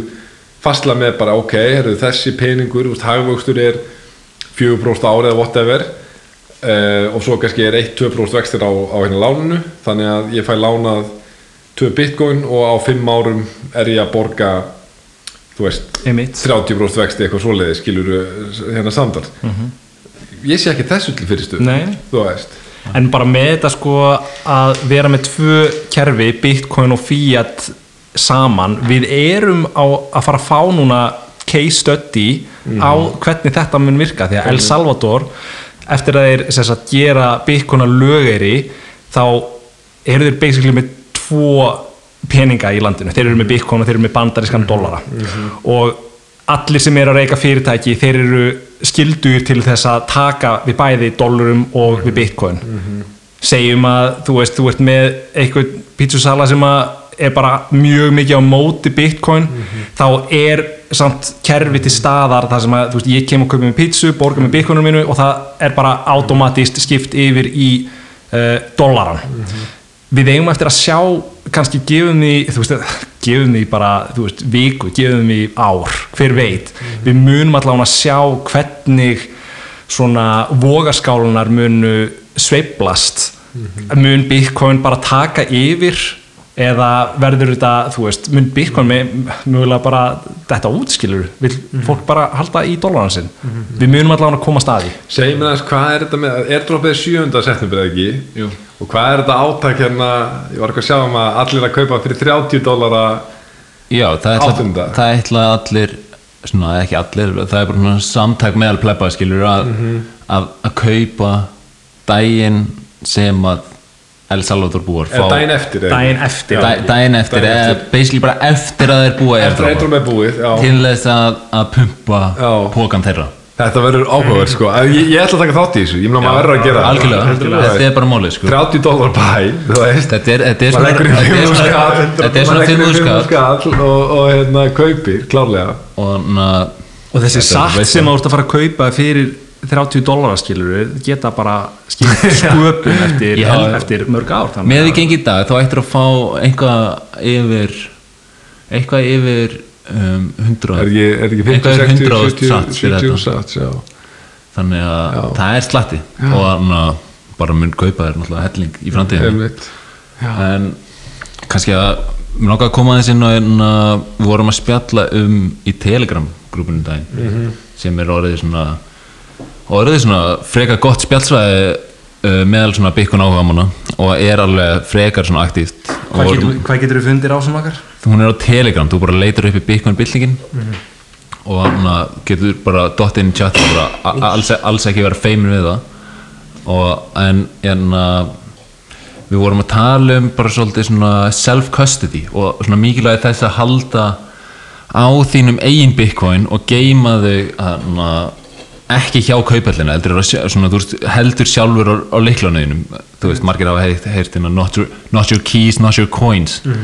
Um, bara svona kannski fá ykkar svolítið svona skoðun á því og hvort þið eru svona eitthvað svona að hjálpa fólki að halda sjálf á leiklunum sínum og já, Já, ég hef einmitt pælt alveg mikið í þessu að því að einmitt, þegar ég kem in the space veist, allir þessi gæðar, Patrikur, Torfi eh, Magnús eh, þeir eru allir einmitt að þessu, bara herru þú bara verður að kaupa þér hérna, cold storage device hvað sem er Ledger eða Cold Card eða Ledger visslega fekk smá heita á sig um daginn en, en, en þú veist, never mind. Þegar Eh, öllum- öllum notendarflýsingum held ég hafi lekið já, já, og, og, og, og, ok en, en, hérna og ég náttúrulega bara, þú veist, var ekkert að efast um þessa hugmyndafræði, þú veist og ég mitt byrjað að heyra þetta strax not your keys, not your crypto um, og var með alltaf cold storage um, og ég er alveg sammála því, við hefum nú rætt þetta eins áður í var, sko, að auðvitað er það uh, þú veist, það er alveg nóbúla þegar þú ert með svona ultimate sound money þú bara skalt gjöra svo vel, þetta, þetta býður fullkomin frelsi, en þú skalt líka gjöra svo vel að, þú veist, axla ábyrð að geima þetta sjálfur með, hérna, eigið fullkomin authority. Ég samt, sko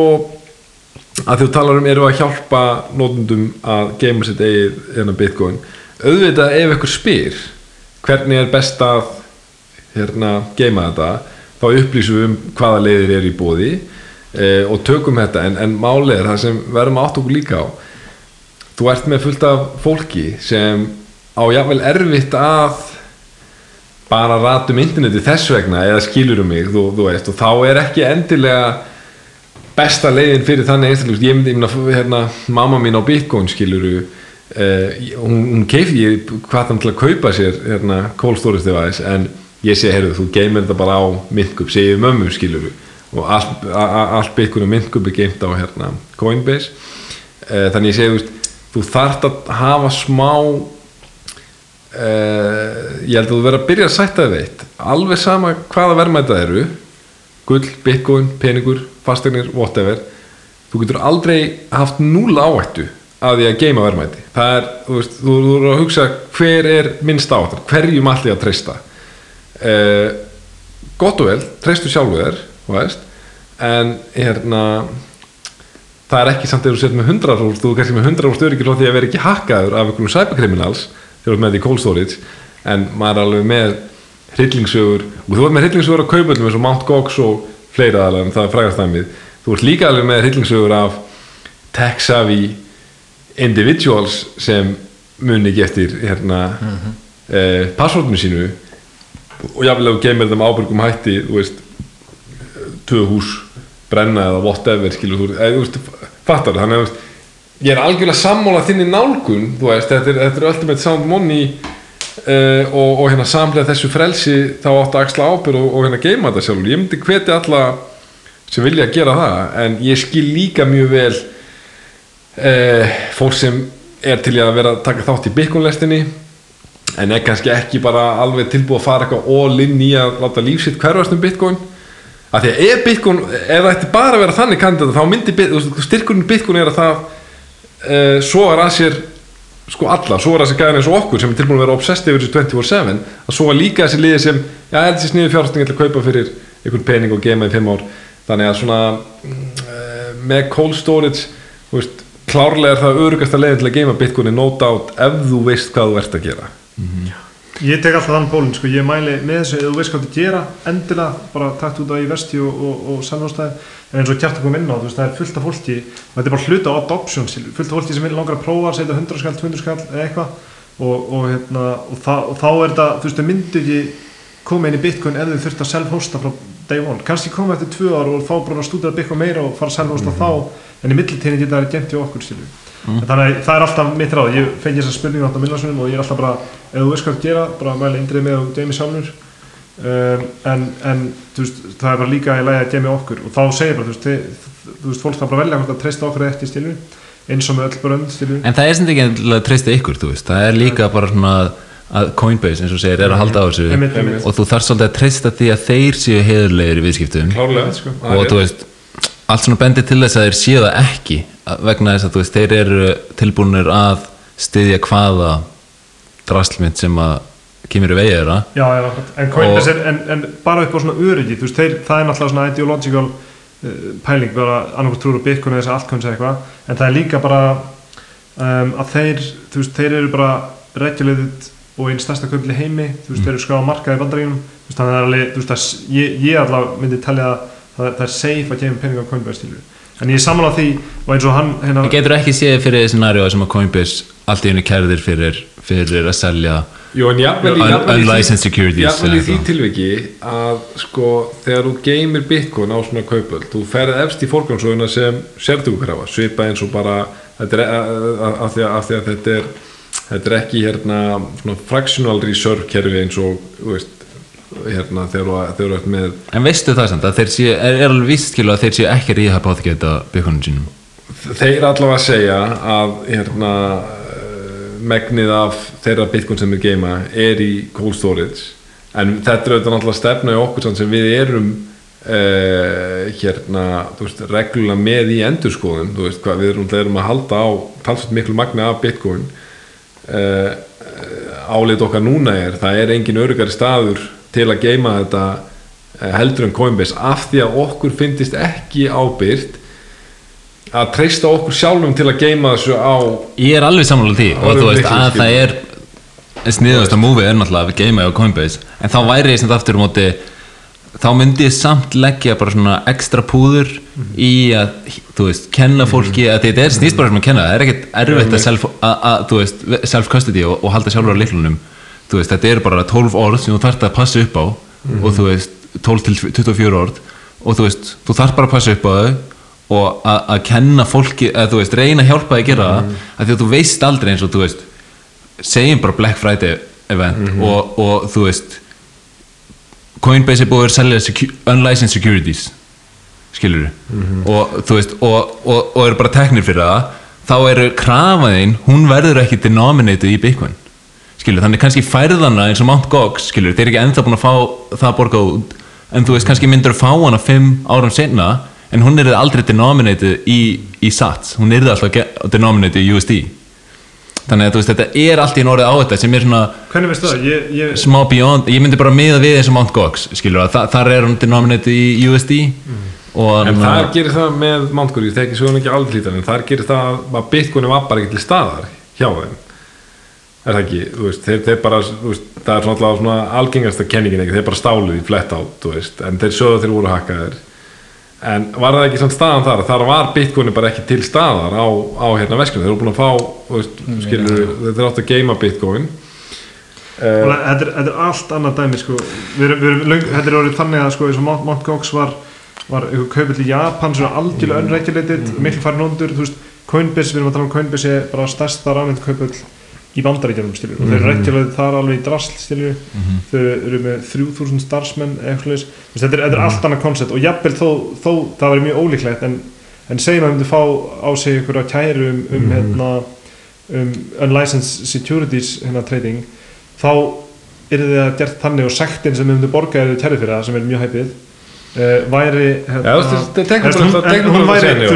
Þeir eru taka það. aldrei af hérna og þeir borga 12 Á miljonar viðstæðum, dólara eða eitthvað í sekt þú veist, uh, þeir eru með þá peninga bara, ég með, þú veist, í, þessum í þessum um,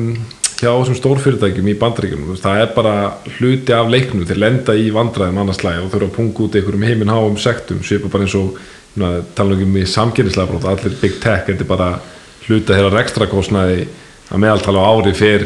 miljardur dólar eða eitthvað í samkynnislega brot eða eitthvað svo leiðis um, en, en, uh, en þeir eru skildur til að geima bitcoinið uh, þú veist, full reserve ekki, ekki fractional reserve eins og, eins og fiat kerfi leifir sko. Um, hann er þú veist og sekti mynd aldrei fara inn í stilur eignir viðstæðina stilur af því, að- að þegar þú ert að geima bitcoin með þessum hætti eh, sem ekki öll plattform gera að hérna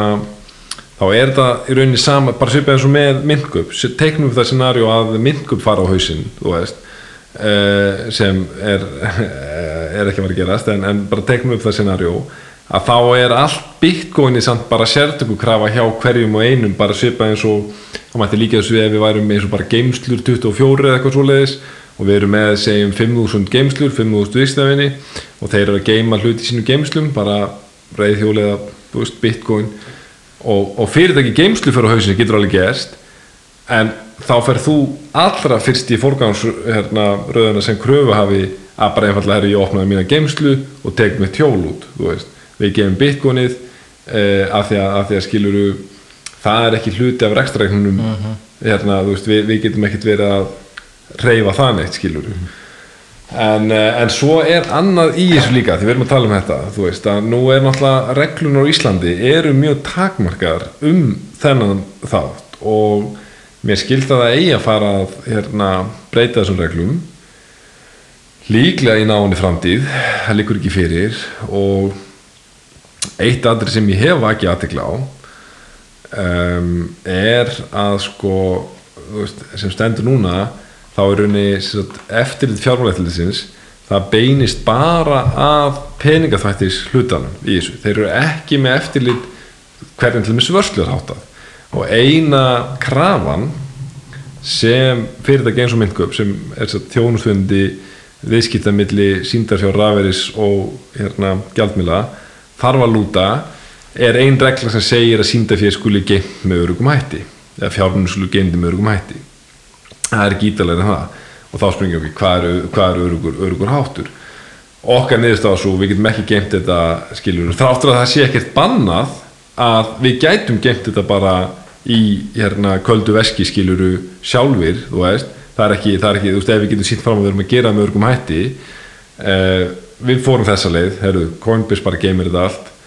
um, og svo geta viðstöfinur þetta tekið út hérna bitcoinu sitt eitt sem ég vakti aðtikla á þegar ég var svona bara á eh, bara í smá spjalli hérna við fólk sem, sem er að sísla með þessar reglur veist, hvað atrið ég sagði fjalla um þetta hafa þetta dálítið skýrt af því að fyrir okkur líka þú veist uh, þetta eru veruleg fjármunni sem verið er að, verið er að hérna, geima maður þá bara treysta sinni dómgreind og, og sinni stefnu. En þetta er atrið sem ég myndi vilja sjá ein útvall sem ég geti hugsað mér er að til dæmis fjármálættirítið myndi gefa út lista af þá third party custody fyrirtækjum veist, Nexo mm, e- eitthvað slík fyrirtæki það er það má geima á þessu. Ef sett fyrirtæki allar að geima það sjálft veist, að þá eru þá ákveðnar veist, það sé ekki að vera með hérna bara bitcoin hot wallet í símanum með 200 bitcoin skilur við, þú veist, Nei, að það væri þá það væri þá frekar svona ídalega reglur, ok, það má geima í þessu, þessu, þessu cold wallet og það þarf að dreifa líklunum svona, svona svona þú veist, Einmitt, Í- eins og ég sé þetta samt, þá er þetta bara svona þú veist allir þeir sem ég, ég alltaf þegar ég bendi einhverjum á kaup eitthvað, það var bara mynd kaup. Þú, þú veist, svo, svo næst. Það er bara rafræn skilur ekki, millifæsla kemur nánast alltaf á tíu mínútur fresti þótt sé miðmætti það er bara ná, sérstaklega er að tippa, þá getur bara treyst á að fæslan er að fara í gegn sko. en að En þá hugsa maður skilur, ok, það er allt þetta fólk er að stakka miljónum, þú veist, miljörðum sats ángríms, bara þú veist. Að, að það er bara verið að stakka satt svona satt svona satt, skilur og þú veist, og við í dag náttúrulega, þú veist, gerum okkur enga grein fyrir hversu verðmætir þessi sats eru. Einmitt. þannig maður er bara svona ef að flest allur landin er að stakka þarna og þá er maður orðin svona úf, um, þú veist, Coinbase er orðin svolítið svona er orðin svolítið svona hvað segir maður, bara svona svona stórt entity er, eru Nei, þetta er svona ein, bara svona ein breaking point sem myndir bara Já, svona þetta er ein þú veist, nóða bara þú veist, Þetta er- þetta er bara orðið svolítið svona orðið svolítið centralized svona þannig að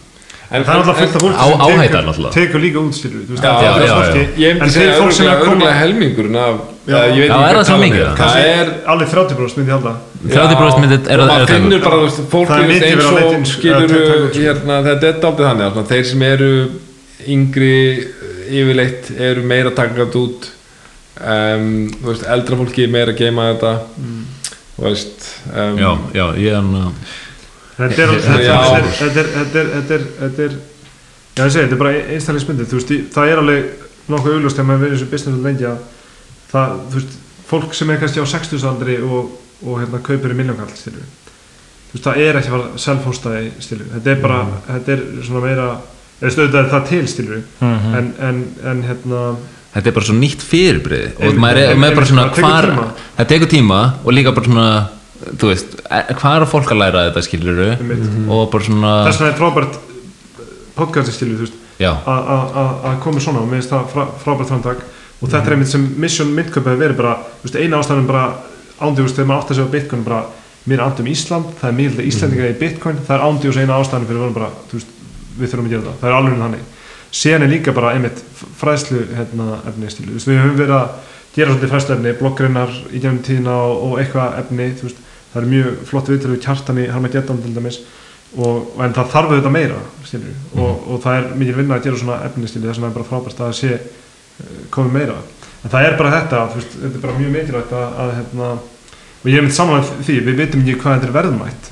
bara upp á framtíðina. Og þú veist, ég held að sé bara mjög mikilvægt að Íslendingar eigi sem mest bitcoin af því að það er fullt af fólki sem ekki alveg átt sig á því hvað er í gangi sko. þú veist, þetta er það stórt dæmi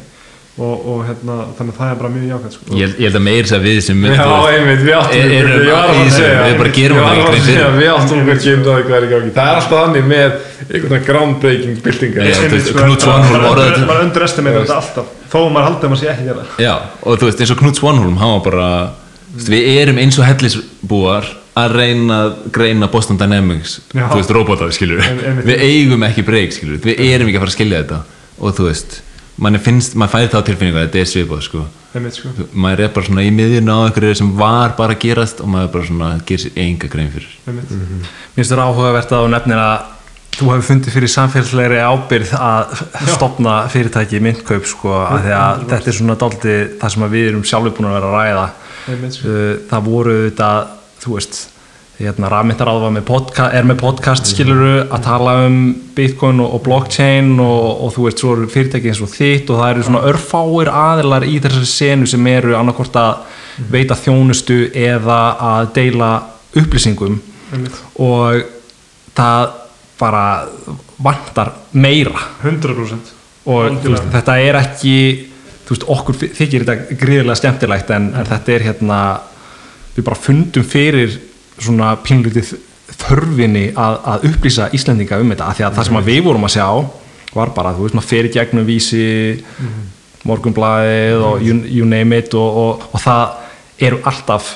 neikvæðar fre, fre, frettir og fregnir sem að fara af Bitcoin Einmitt, sko. og það, það er bara eins, eins og þetta sé hérna já ég veit það ekki, þetta er náttúrulega bara að tala gegn núverandi kerfinu skiluru og þannig að maður hefur svona pínlít það, svona, það, það, sko. það, það, það er líka þetta af því að, sko, það er oft talað um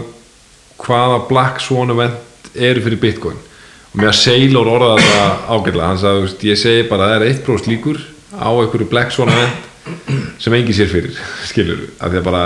þú er að, að hafa eitthvað sveigurum bara fyrir black swan event sem þetta er bara ný, nýtt fyrirbæri og granted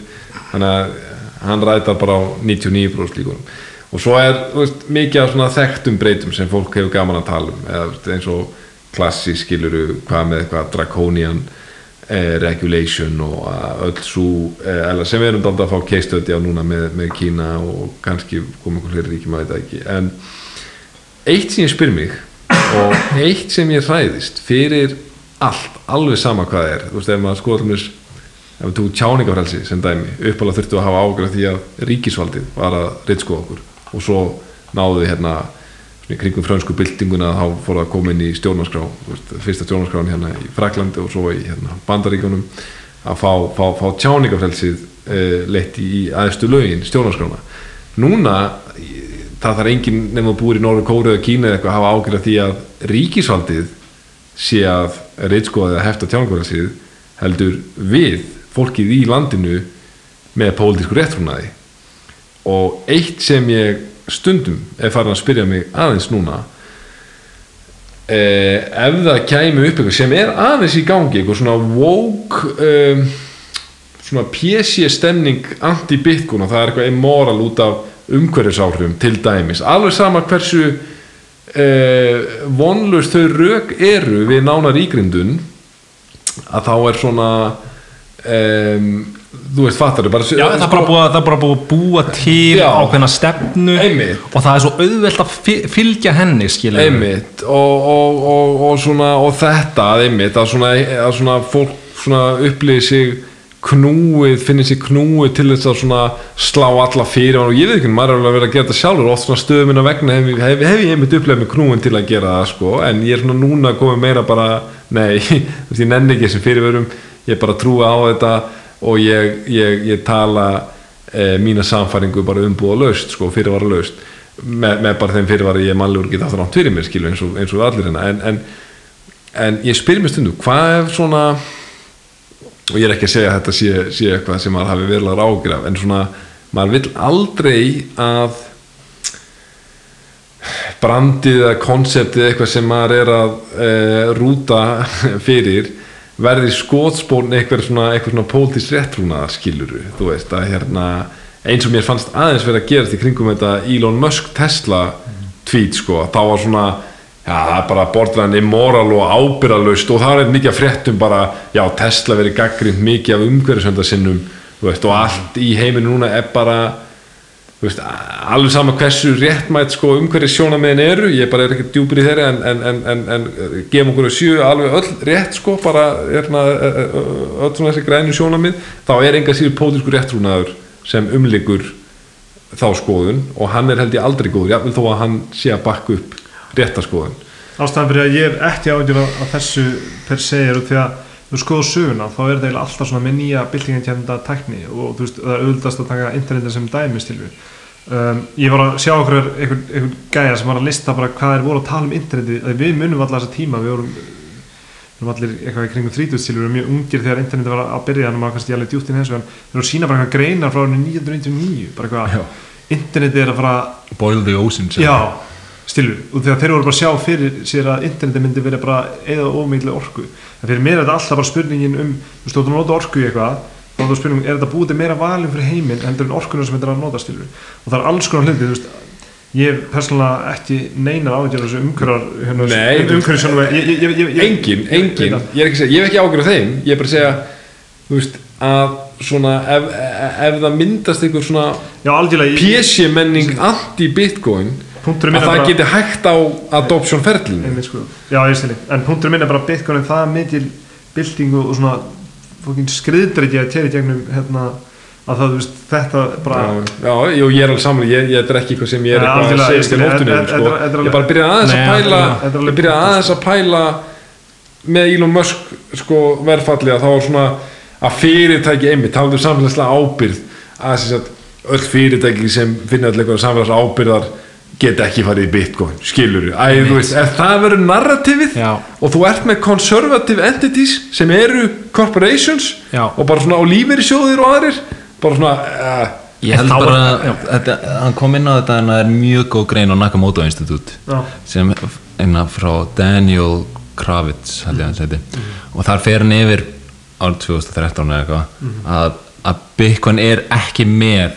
bad image problem. Það er bara, ekki, þú veist, það er ekki til. Nei, einmitt. að, að, að, það, að þetta sé þannig skilur það eru bara 21 miljón Bitcoin. Það er bara staðan skilur það er ekki hægt að breyta því. Og, og svo staðreind er bara þetta aðdráttarafl að, að þú veist sem það er. Að, að, að þú veist, það er- er bara svo miklu hagkvæmara fyrir það að nota Bitcoin fyrir store of value og unit of account að, að þú veist það skiptir ekki máli hvað einhver segir eða hvað einhverjum finnst um Bitcoin. Ein, ein sem skiptir máli er bara 21 miljón og það aðdráttarafl mun bara leiða alla að sér. Sama hversu mikið verður föttað um það í fréttum eða tala um umhverfismálum og eitthvað. Það, það bara svona hefur engin áhrif. Það er mitt sem er svo gaman að við erum með insinn svolítið inn í þetta á, á veist, við heldum þetta yrði þannig að þetta yrði bara karlminn á okkar aldri sem myndu vera að versla hjá okkur skilur svo er þetta bara, það er allt annað í gangi. Það er bara fólk á öllum aldri. Bara, þú veist, elsti okkur held ég 85-86 ára sem er að versla fyrir almenna fjárhæðir og það er, það er hellinga konum líka. Þú veist, þannig að þú veist, þetta, er, ég, þetta er eitthvað sem, sem komið sérlega óvart og sem er alveg frábært að sjá sko. þetta er ekki bara einhverju ungi kallmenn skilur. Þetta er dreift, sko. þetta, er, þetta er miklu dreifra en maður heldur. Og það er alls konar fólk sem er áhuga á bitcoin bara í öllum þjóðfélagstöðum þannig að þetta er, þetta er svona the people. Þetta er nefnilega algjörlega þannig er, aldurs, þú veist, takmark? Er átján ára aldursáfangark innan make-up? Sko við höfum eh, haft það þannig að eh, við heldum uppalega sko fyrst að skildir ekki væru eh, bara bundið átján ára, það, það er ekki. Og við föllum ekki undir sko lögum verbri og annað. En þannig að við höfum haft það þannig, veist, það eru, það eru mjög fáir sem eru undir átján eða að versla fyrir 5 skall, 10 skall þú veist hérna, en það er náttúrulega eitthvað í lögum sem segir Nei, að það er þú, meir ekki eiga bitcoin skilur. Þetta er- Þú er- er 13 ára með þetta- Þú mátt eiga hlutabrif ef, þú ert Þarf tökulega að vera 13 ára, fjárráða sko. Er það? Já, ég held ég þess með það þú verður að held ég vera fjára með með Bitcoin, þetta er í bara, þú ert bara að kaupa lausa fyrir veist, þannig að það er ekkert skiluru en ef við myndum, við höfum ekki fengið hann tilvik ennþá, en ef við myndum fá tilvik einhver, einhver undir lögaldra leggin fjára sem væri svona mjög furðuleg skilur, við myndum vilja kannski background checka það aðeins sko. En bara svona praktísa á spurning skilur þú eignast barn og vilt að sjálfsögðu Já. gefa því bitcoin í, í sængugjöf skilur hvernig myndir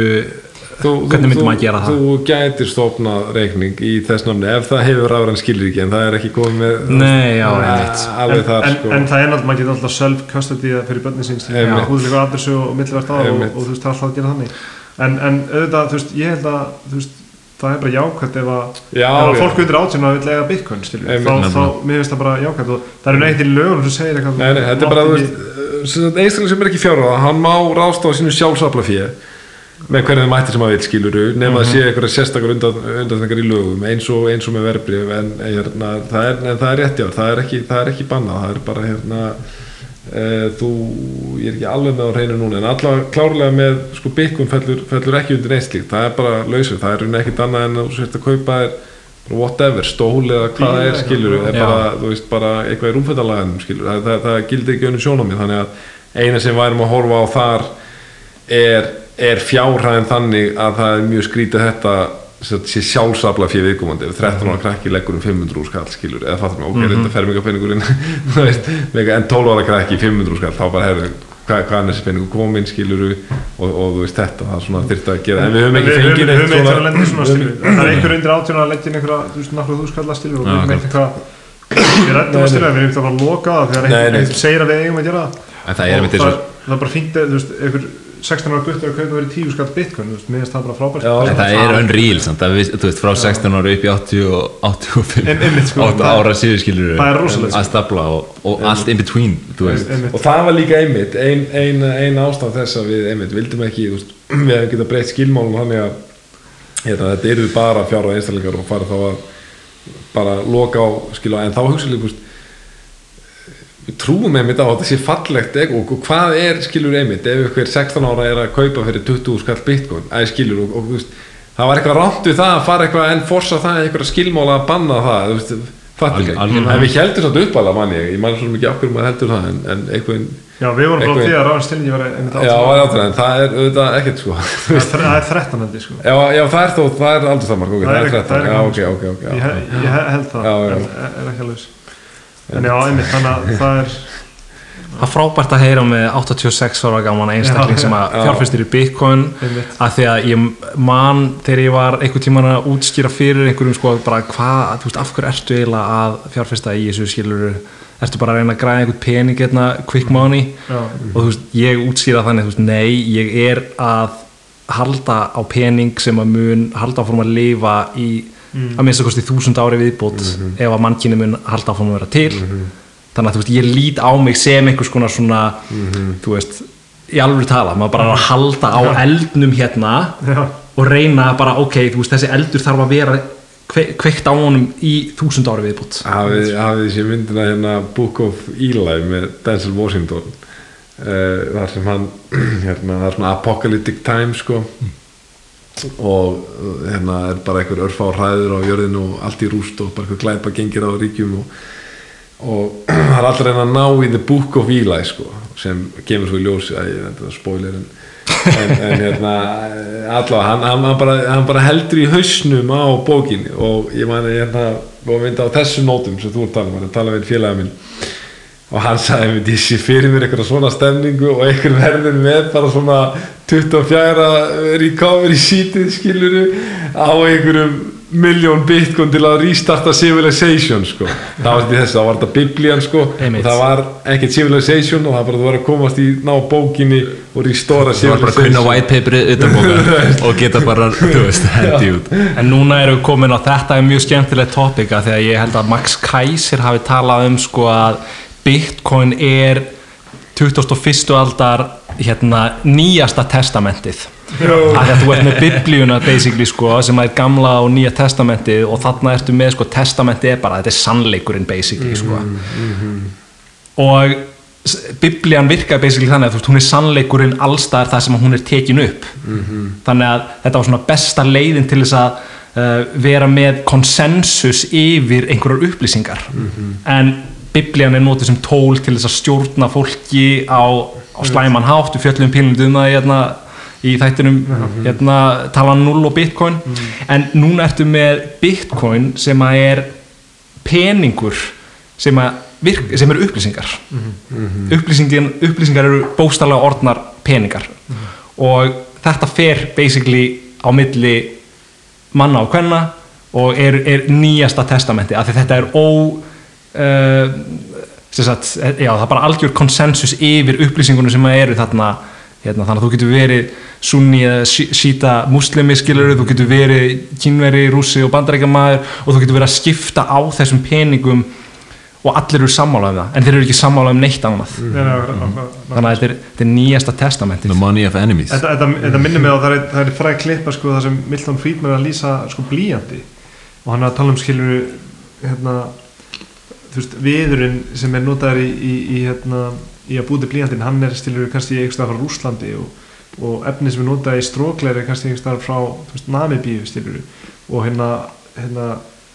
álið sem er í sko hérna sem heldur sko blíjandinu við, við hérna strókleðrið Já, það, einmitt, það, það er frá einhverju allt öðru landi. Og þú veist að þú eru fólk einmitt eins og að tala um aðan fólk sem er bara algjörlega bara, myndi hata einhvers annað eða myndi hitta einhvers annað en það er samt að koma saman í genum en að frjálsa marka að búa til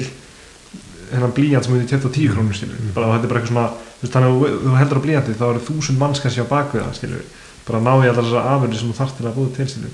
og Bitcoin er líka svona, veist, þetta er beauty af eitthvað svona distributed frjálsum markaði skilur er að þá er þetta veginn svona veist, það, það er fólk að mæna Bitcoin á alls þar um heiminn og hjálpa að stiða og tryggja netið sem myndi, þú veist, en er samt að vinna saman veist, það er poweri sem við höfum sem yfir aðra tegundir skilur að geta unnið saman í reisastórum hópum. Þetta er eitt sem við komum, kemur inn á þetta í, í Sapiens bókinni skilur þetta er, útrúlega áhugaverð pæling sko, er, að, er að það sem við höfum fram með aðra tegundir er, er eitt því skilur er þetta. Að við höfum unnið saman í sko reisastórum hópum bara sem þjóð og bara sem, veist, fólk saminast ofta við gerum trú eða eitthvað skilur eða ekki trú sem er líka hópar af fólki skilur þannig að það er, það er, það er eitt powerið af, af, af manninum sko, fram yfir aðrar Mick Sabo kemur inn á þetta að, Einmitt. að peningur er bara þetta tól sem við notum til að auka social scalability Já. og auka að við getum unnið saman í stærri hóp. Einmitt, einmitt, veist, náttúrulega erum við bara gerð til að vera eitthvað hundra saman í hóp. Einmitt, einmitt, en nei, núna er, eh, þú veist, með pening þá, þá getur þú stækka á með bitcoin þá er þetta náttúrulega komið með bara Já, það er það geta allir í heiminum. Allir verið komin á einhvern samnefnara og, og, ein, og líka eins og með Milton Friedman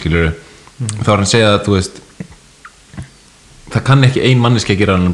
Nei, nei, nákvæmlega sko. En, en, en samt er hann hérna skilur og, og ástæðan er að miklu leið út af verði veist, og við notum verð sem upplýsingar Einmitt, einmitt. til þess að geta gert einhvað flóki og Einmitt. eins einfaldur og okkur finnst hann vera en, en að veist, í heiminum í dag þá er orðið bara þá er bara svona verð svo distortað út af fiat penning og það er alltaf verið að breyta mælistíkunum þannig að núna erum við komið með hann konstant þannig að þú veist það eru bara svona að sjá social scalabilityð verður held ég magna og sjá hvað við getum gert, þú veist, ef við erum öll komin undir þetta saman hatt það verður, þú veist eins og Pierre Rochard segir, skilur þú veist, Bitcoin á eftir að pumpa mest eftir já, út af bara, þú veist, hagkvæmninni og skilvirkninni í samfélaginu í kjölfarið en mér líka svona hlutur eins og sem ég tala oft um er að, er að hérna, í samfélaginu í dag, veist, við eftir því sem við þróast áfram, þá er alltaf svona þjónust að vera alltaf betri og betri og betri stílu er, og, og vörur vera betri og betri betri veist, það er, það það er svona þróun. Og svo, eh, ég tek oft dæmi sko um bara veist, það eru opna alla sólægin í dag, þetta er hlutu bara af svona alltaf þjónustu, veist, að það er bara betra stílu, árið 1980 þá var þetta bara loka um helgar og bara opið sex eða eitthvað, alveg vesen stílu og núna er það þannig að fjármálakerfið er þannig. Þú veist, þú getur ekki millivert peninga með landa þá til einhver bankastaf sem er mætur í einhvern takka stilu kl. nýju á mándi og ekki opið á, á hátíðatöfum og um helgar og eitthvað, þú veist, þetta er ógst að klikkað á pelri þú veist, ég, hérna, ég tek ofta dæmið með þess að fyndi að pappi var alltaf að tala um sko að það var ekki sjónvarp á 50 dögum í gamla dag og ekki sjónvarp í júli að því fólk var í fríi Þú veist, við, munum, við munum hlæja þessu í framtíðinni bara, já þú gast, ekki, gast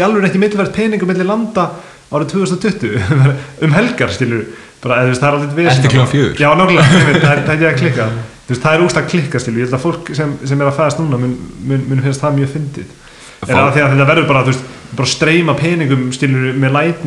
veist, það er líka fullt af einhverjum svona business mótum sem verða viable þá, þú veist, á netinu. Þú getur líka rukkaninn sem er undir eitthvað x peninga því að það er alltaf einhver fixt kostnaður af vísa og eitthvað svona dóttir stilu en þegar við fyrir að geta að stríma peningum basically frítt stilu, það er alls konar þjónust sem er opnast upp á gáttstýrur og það er bara eitt, eitt af þessum innovation sem þetta mun koma en það mun opna heilum heima einhverjum innovation stýrur algjörlega maður. Bara, að, þú veist að geta stríma pening er bara þetta er svo bíla koncept það sko. svægilegt þú veist, það horfa á Netflix það er, það, er- þú veist, það er lí- lítið dæmi en það er að finna upp alls konar hluti þá, þá ert ég að borga eitthvað títul á mánuð og borgar bara nákvæmlega sem að horfur á stílu Já. þú veist, þetta optimisar allt svona get perfectly. Akkurat, það voru mjög áhört að sjá hvort að þú veist mingi einhvern veginn millaðal þannig að þú veist, þú ert í meira beinu sambandi við artistan. einmitt, einmitt. þú veist, möguleikan er endalausir og það er ótrúlegt að vera að sjá þetta allt bara að vera byggt Þú í- þú mögulega sko. ekki inn til Netflix lengur skilur af því að mögulega ertu bara koma með eitthvað decentralized platform þar sem þú veist, fyrirtæki sem bjóð myndina setur bara myndina á og þú streym bara myndinni skilur Já. þú veist það er einmitt Já, það er- er verið þing, það var einstaklega cool. Veist, það, það sem ég hugsa er ég, ég, hérna, það er uh, ótrúlega erfitt að vita hvað gerist í framtíðinni af því að þú veist það er bara, ef ef það er eitthvað sem mangi sagan kennur okkur að, ég meina, það getur bara komið lofstinn á morgun þessuna eða skilur og bara gera þetta öllu en, en mér segir svo hugur að uh, hugtaki decentralization eigi eftir að spila mjög stórt hlutverk í ekki bara peningum heldur bara ég held bara næstu áratugir þá verði decentralization mjög stórt atrið bara decentralized sko education money system entertainment bara þú býr til plattform þar sem uh, þú þarft ekki lengur meiri sem maður hugsa um fyrirtæki sem við erum með þú veist, ég, meina, ég held að, að, að veist, þegar, þegar, þegar eh, hérna, árin líða og bara kaupa allir in general bara miðlun in general verður obsolít af því að þú er bara komið með decentralized platform, ég held að sé mjög langt í þetta af því að þú þarft að fyrst af tæknaverðin staðar og maður getur argið og hún er nú þegar komin en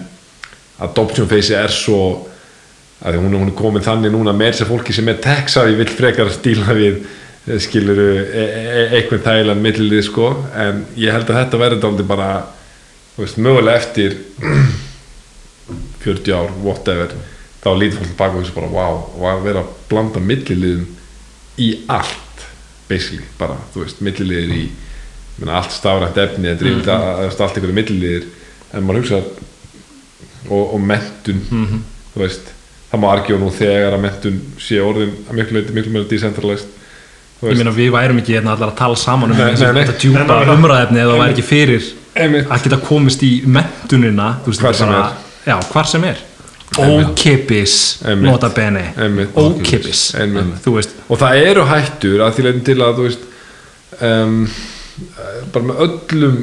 breytingum koma þú veist, einhverjar, einhverjar hættur, einhverjar gallar. Og maður spyr sér, þú veist, auðvitað er það staðarind að, þá er ekki að segja að gamla kerfi þar allar upplýsingar að vera áræðarlegar og skoteldur og bulletproof alls ekki en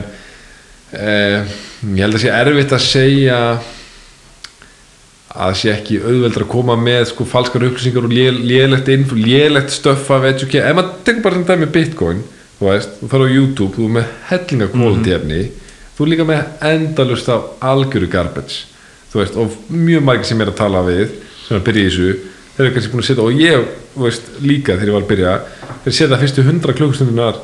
í bara eitthvað Crypto Moonboys að tala um technical analysis, skiljiði. Svo sér maður eins og í Investors podcast það er með Sailor, þú ert með Brídlo uh, þú ert með hérna, Boya Patti, þú ert með uh, Pompliano, með alla þess að kalla. Og þetta sá ég, þetta var að fá þú veist 20-30 sinnum minna views heldur ykkur Crypto Moonboys einmitt, að tala um einhverja hæðir. einhverjar hæðir og læðir og, og, og death crosses og, og eitthvað. Þannig að þú veist um, þess vegna er maður með annað mím það er don't trust, verify. Einmitt, algjörlega, þú veist þannig að hérna uh, en já, ég held að þetta verði mjög stórt uh, hugdag framtíðin er björt í þessu. Já, já, hún er það, engin spurning. Við hérna þurfum að rappa þessu upp. Hvað er hérna geta hlustendur fundið ykkur? Myndkaup.is, það er lang einfaldasta leiðin Minn kom ónáttúrulega appið í Já. bæði Play Store og hérna App Store. við mælum með appinu, þetta er Myndkaup. bara seamless annar upplifun. Bara super vel herna langi með, Takk, langi með. takk, takk, takk. kærlega fyrir. Og hann að takk kærlega fyrir konustrar Já, takk kærlega fyrir bara spjallið. fyrir Frábært spjall. Já, ásum þáttur. Alright yeah. segðu það gott. Já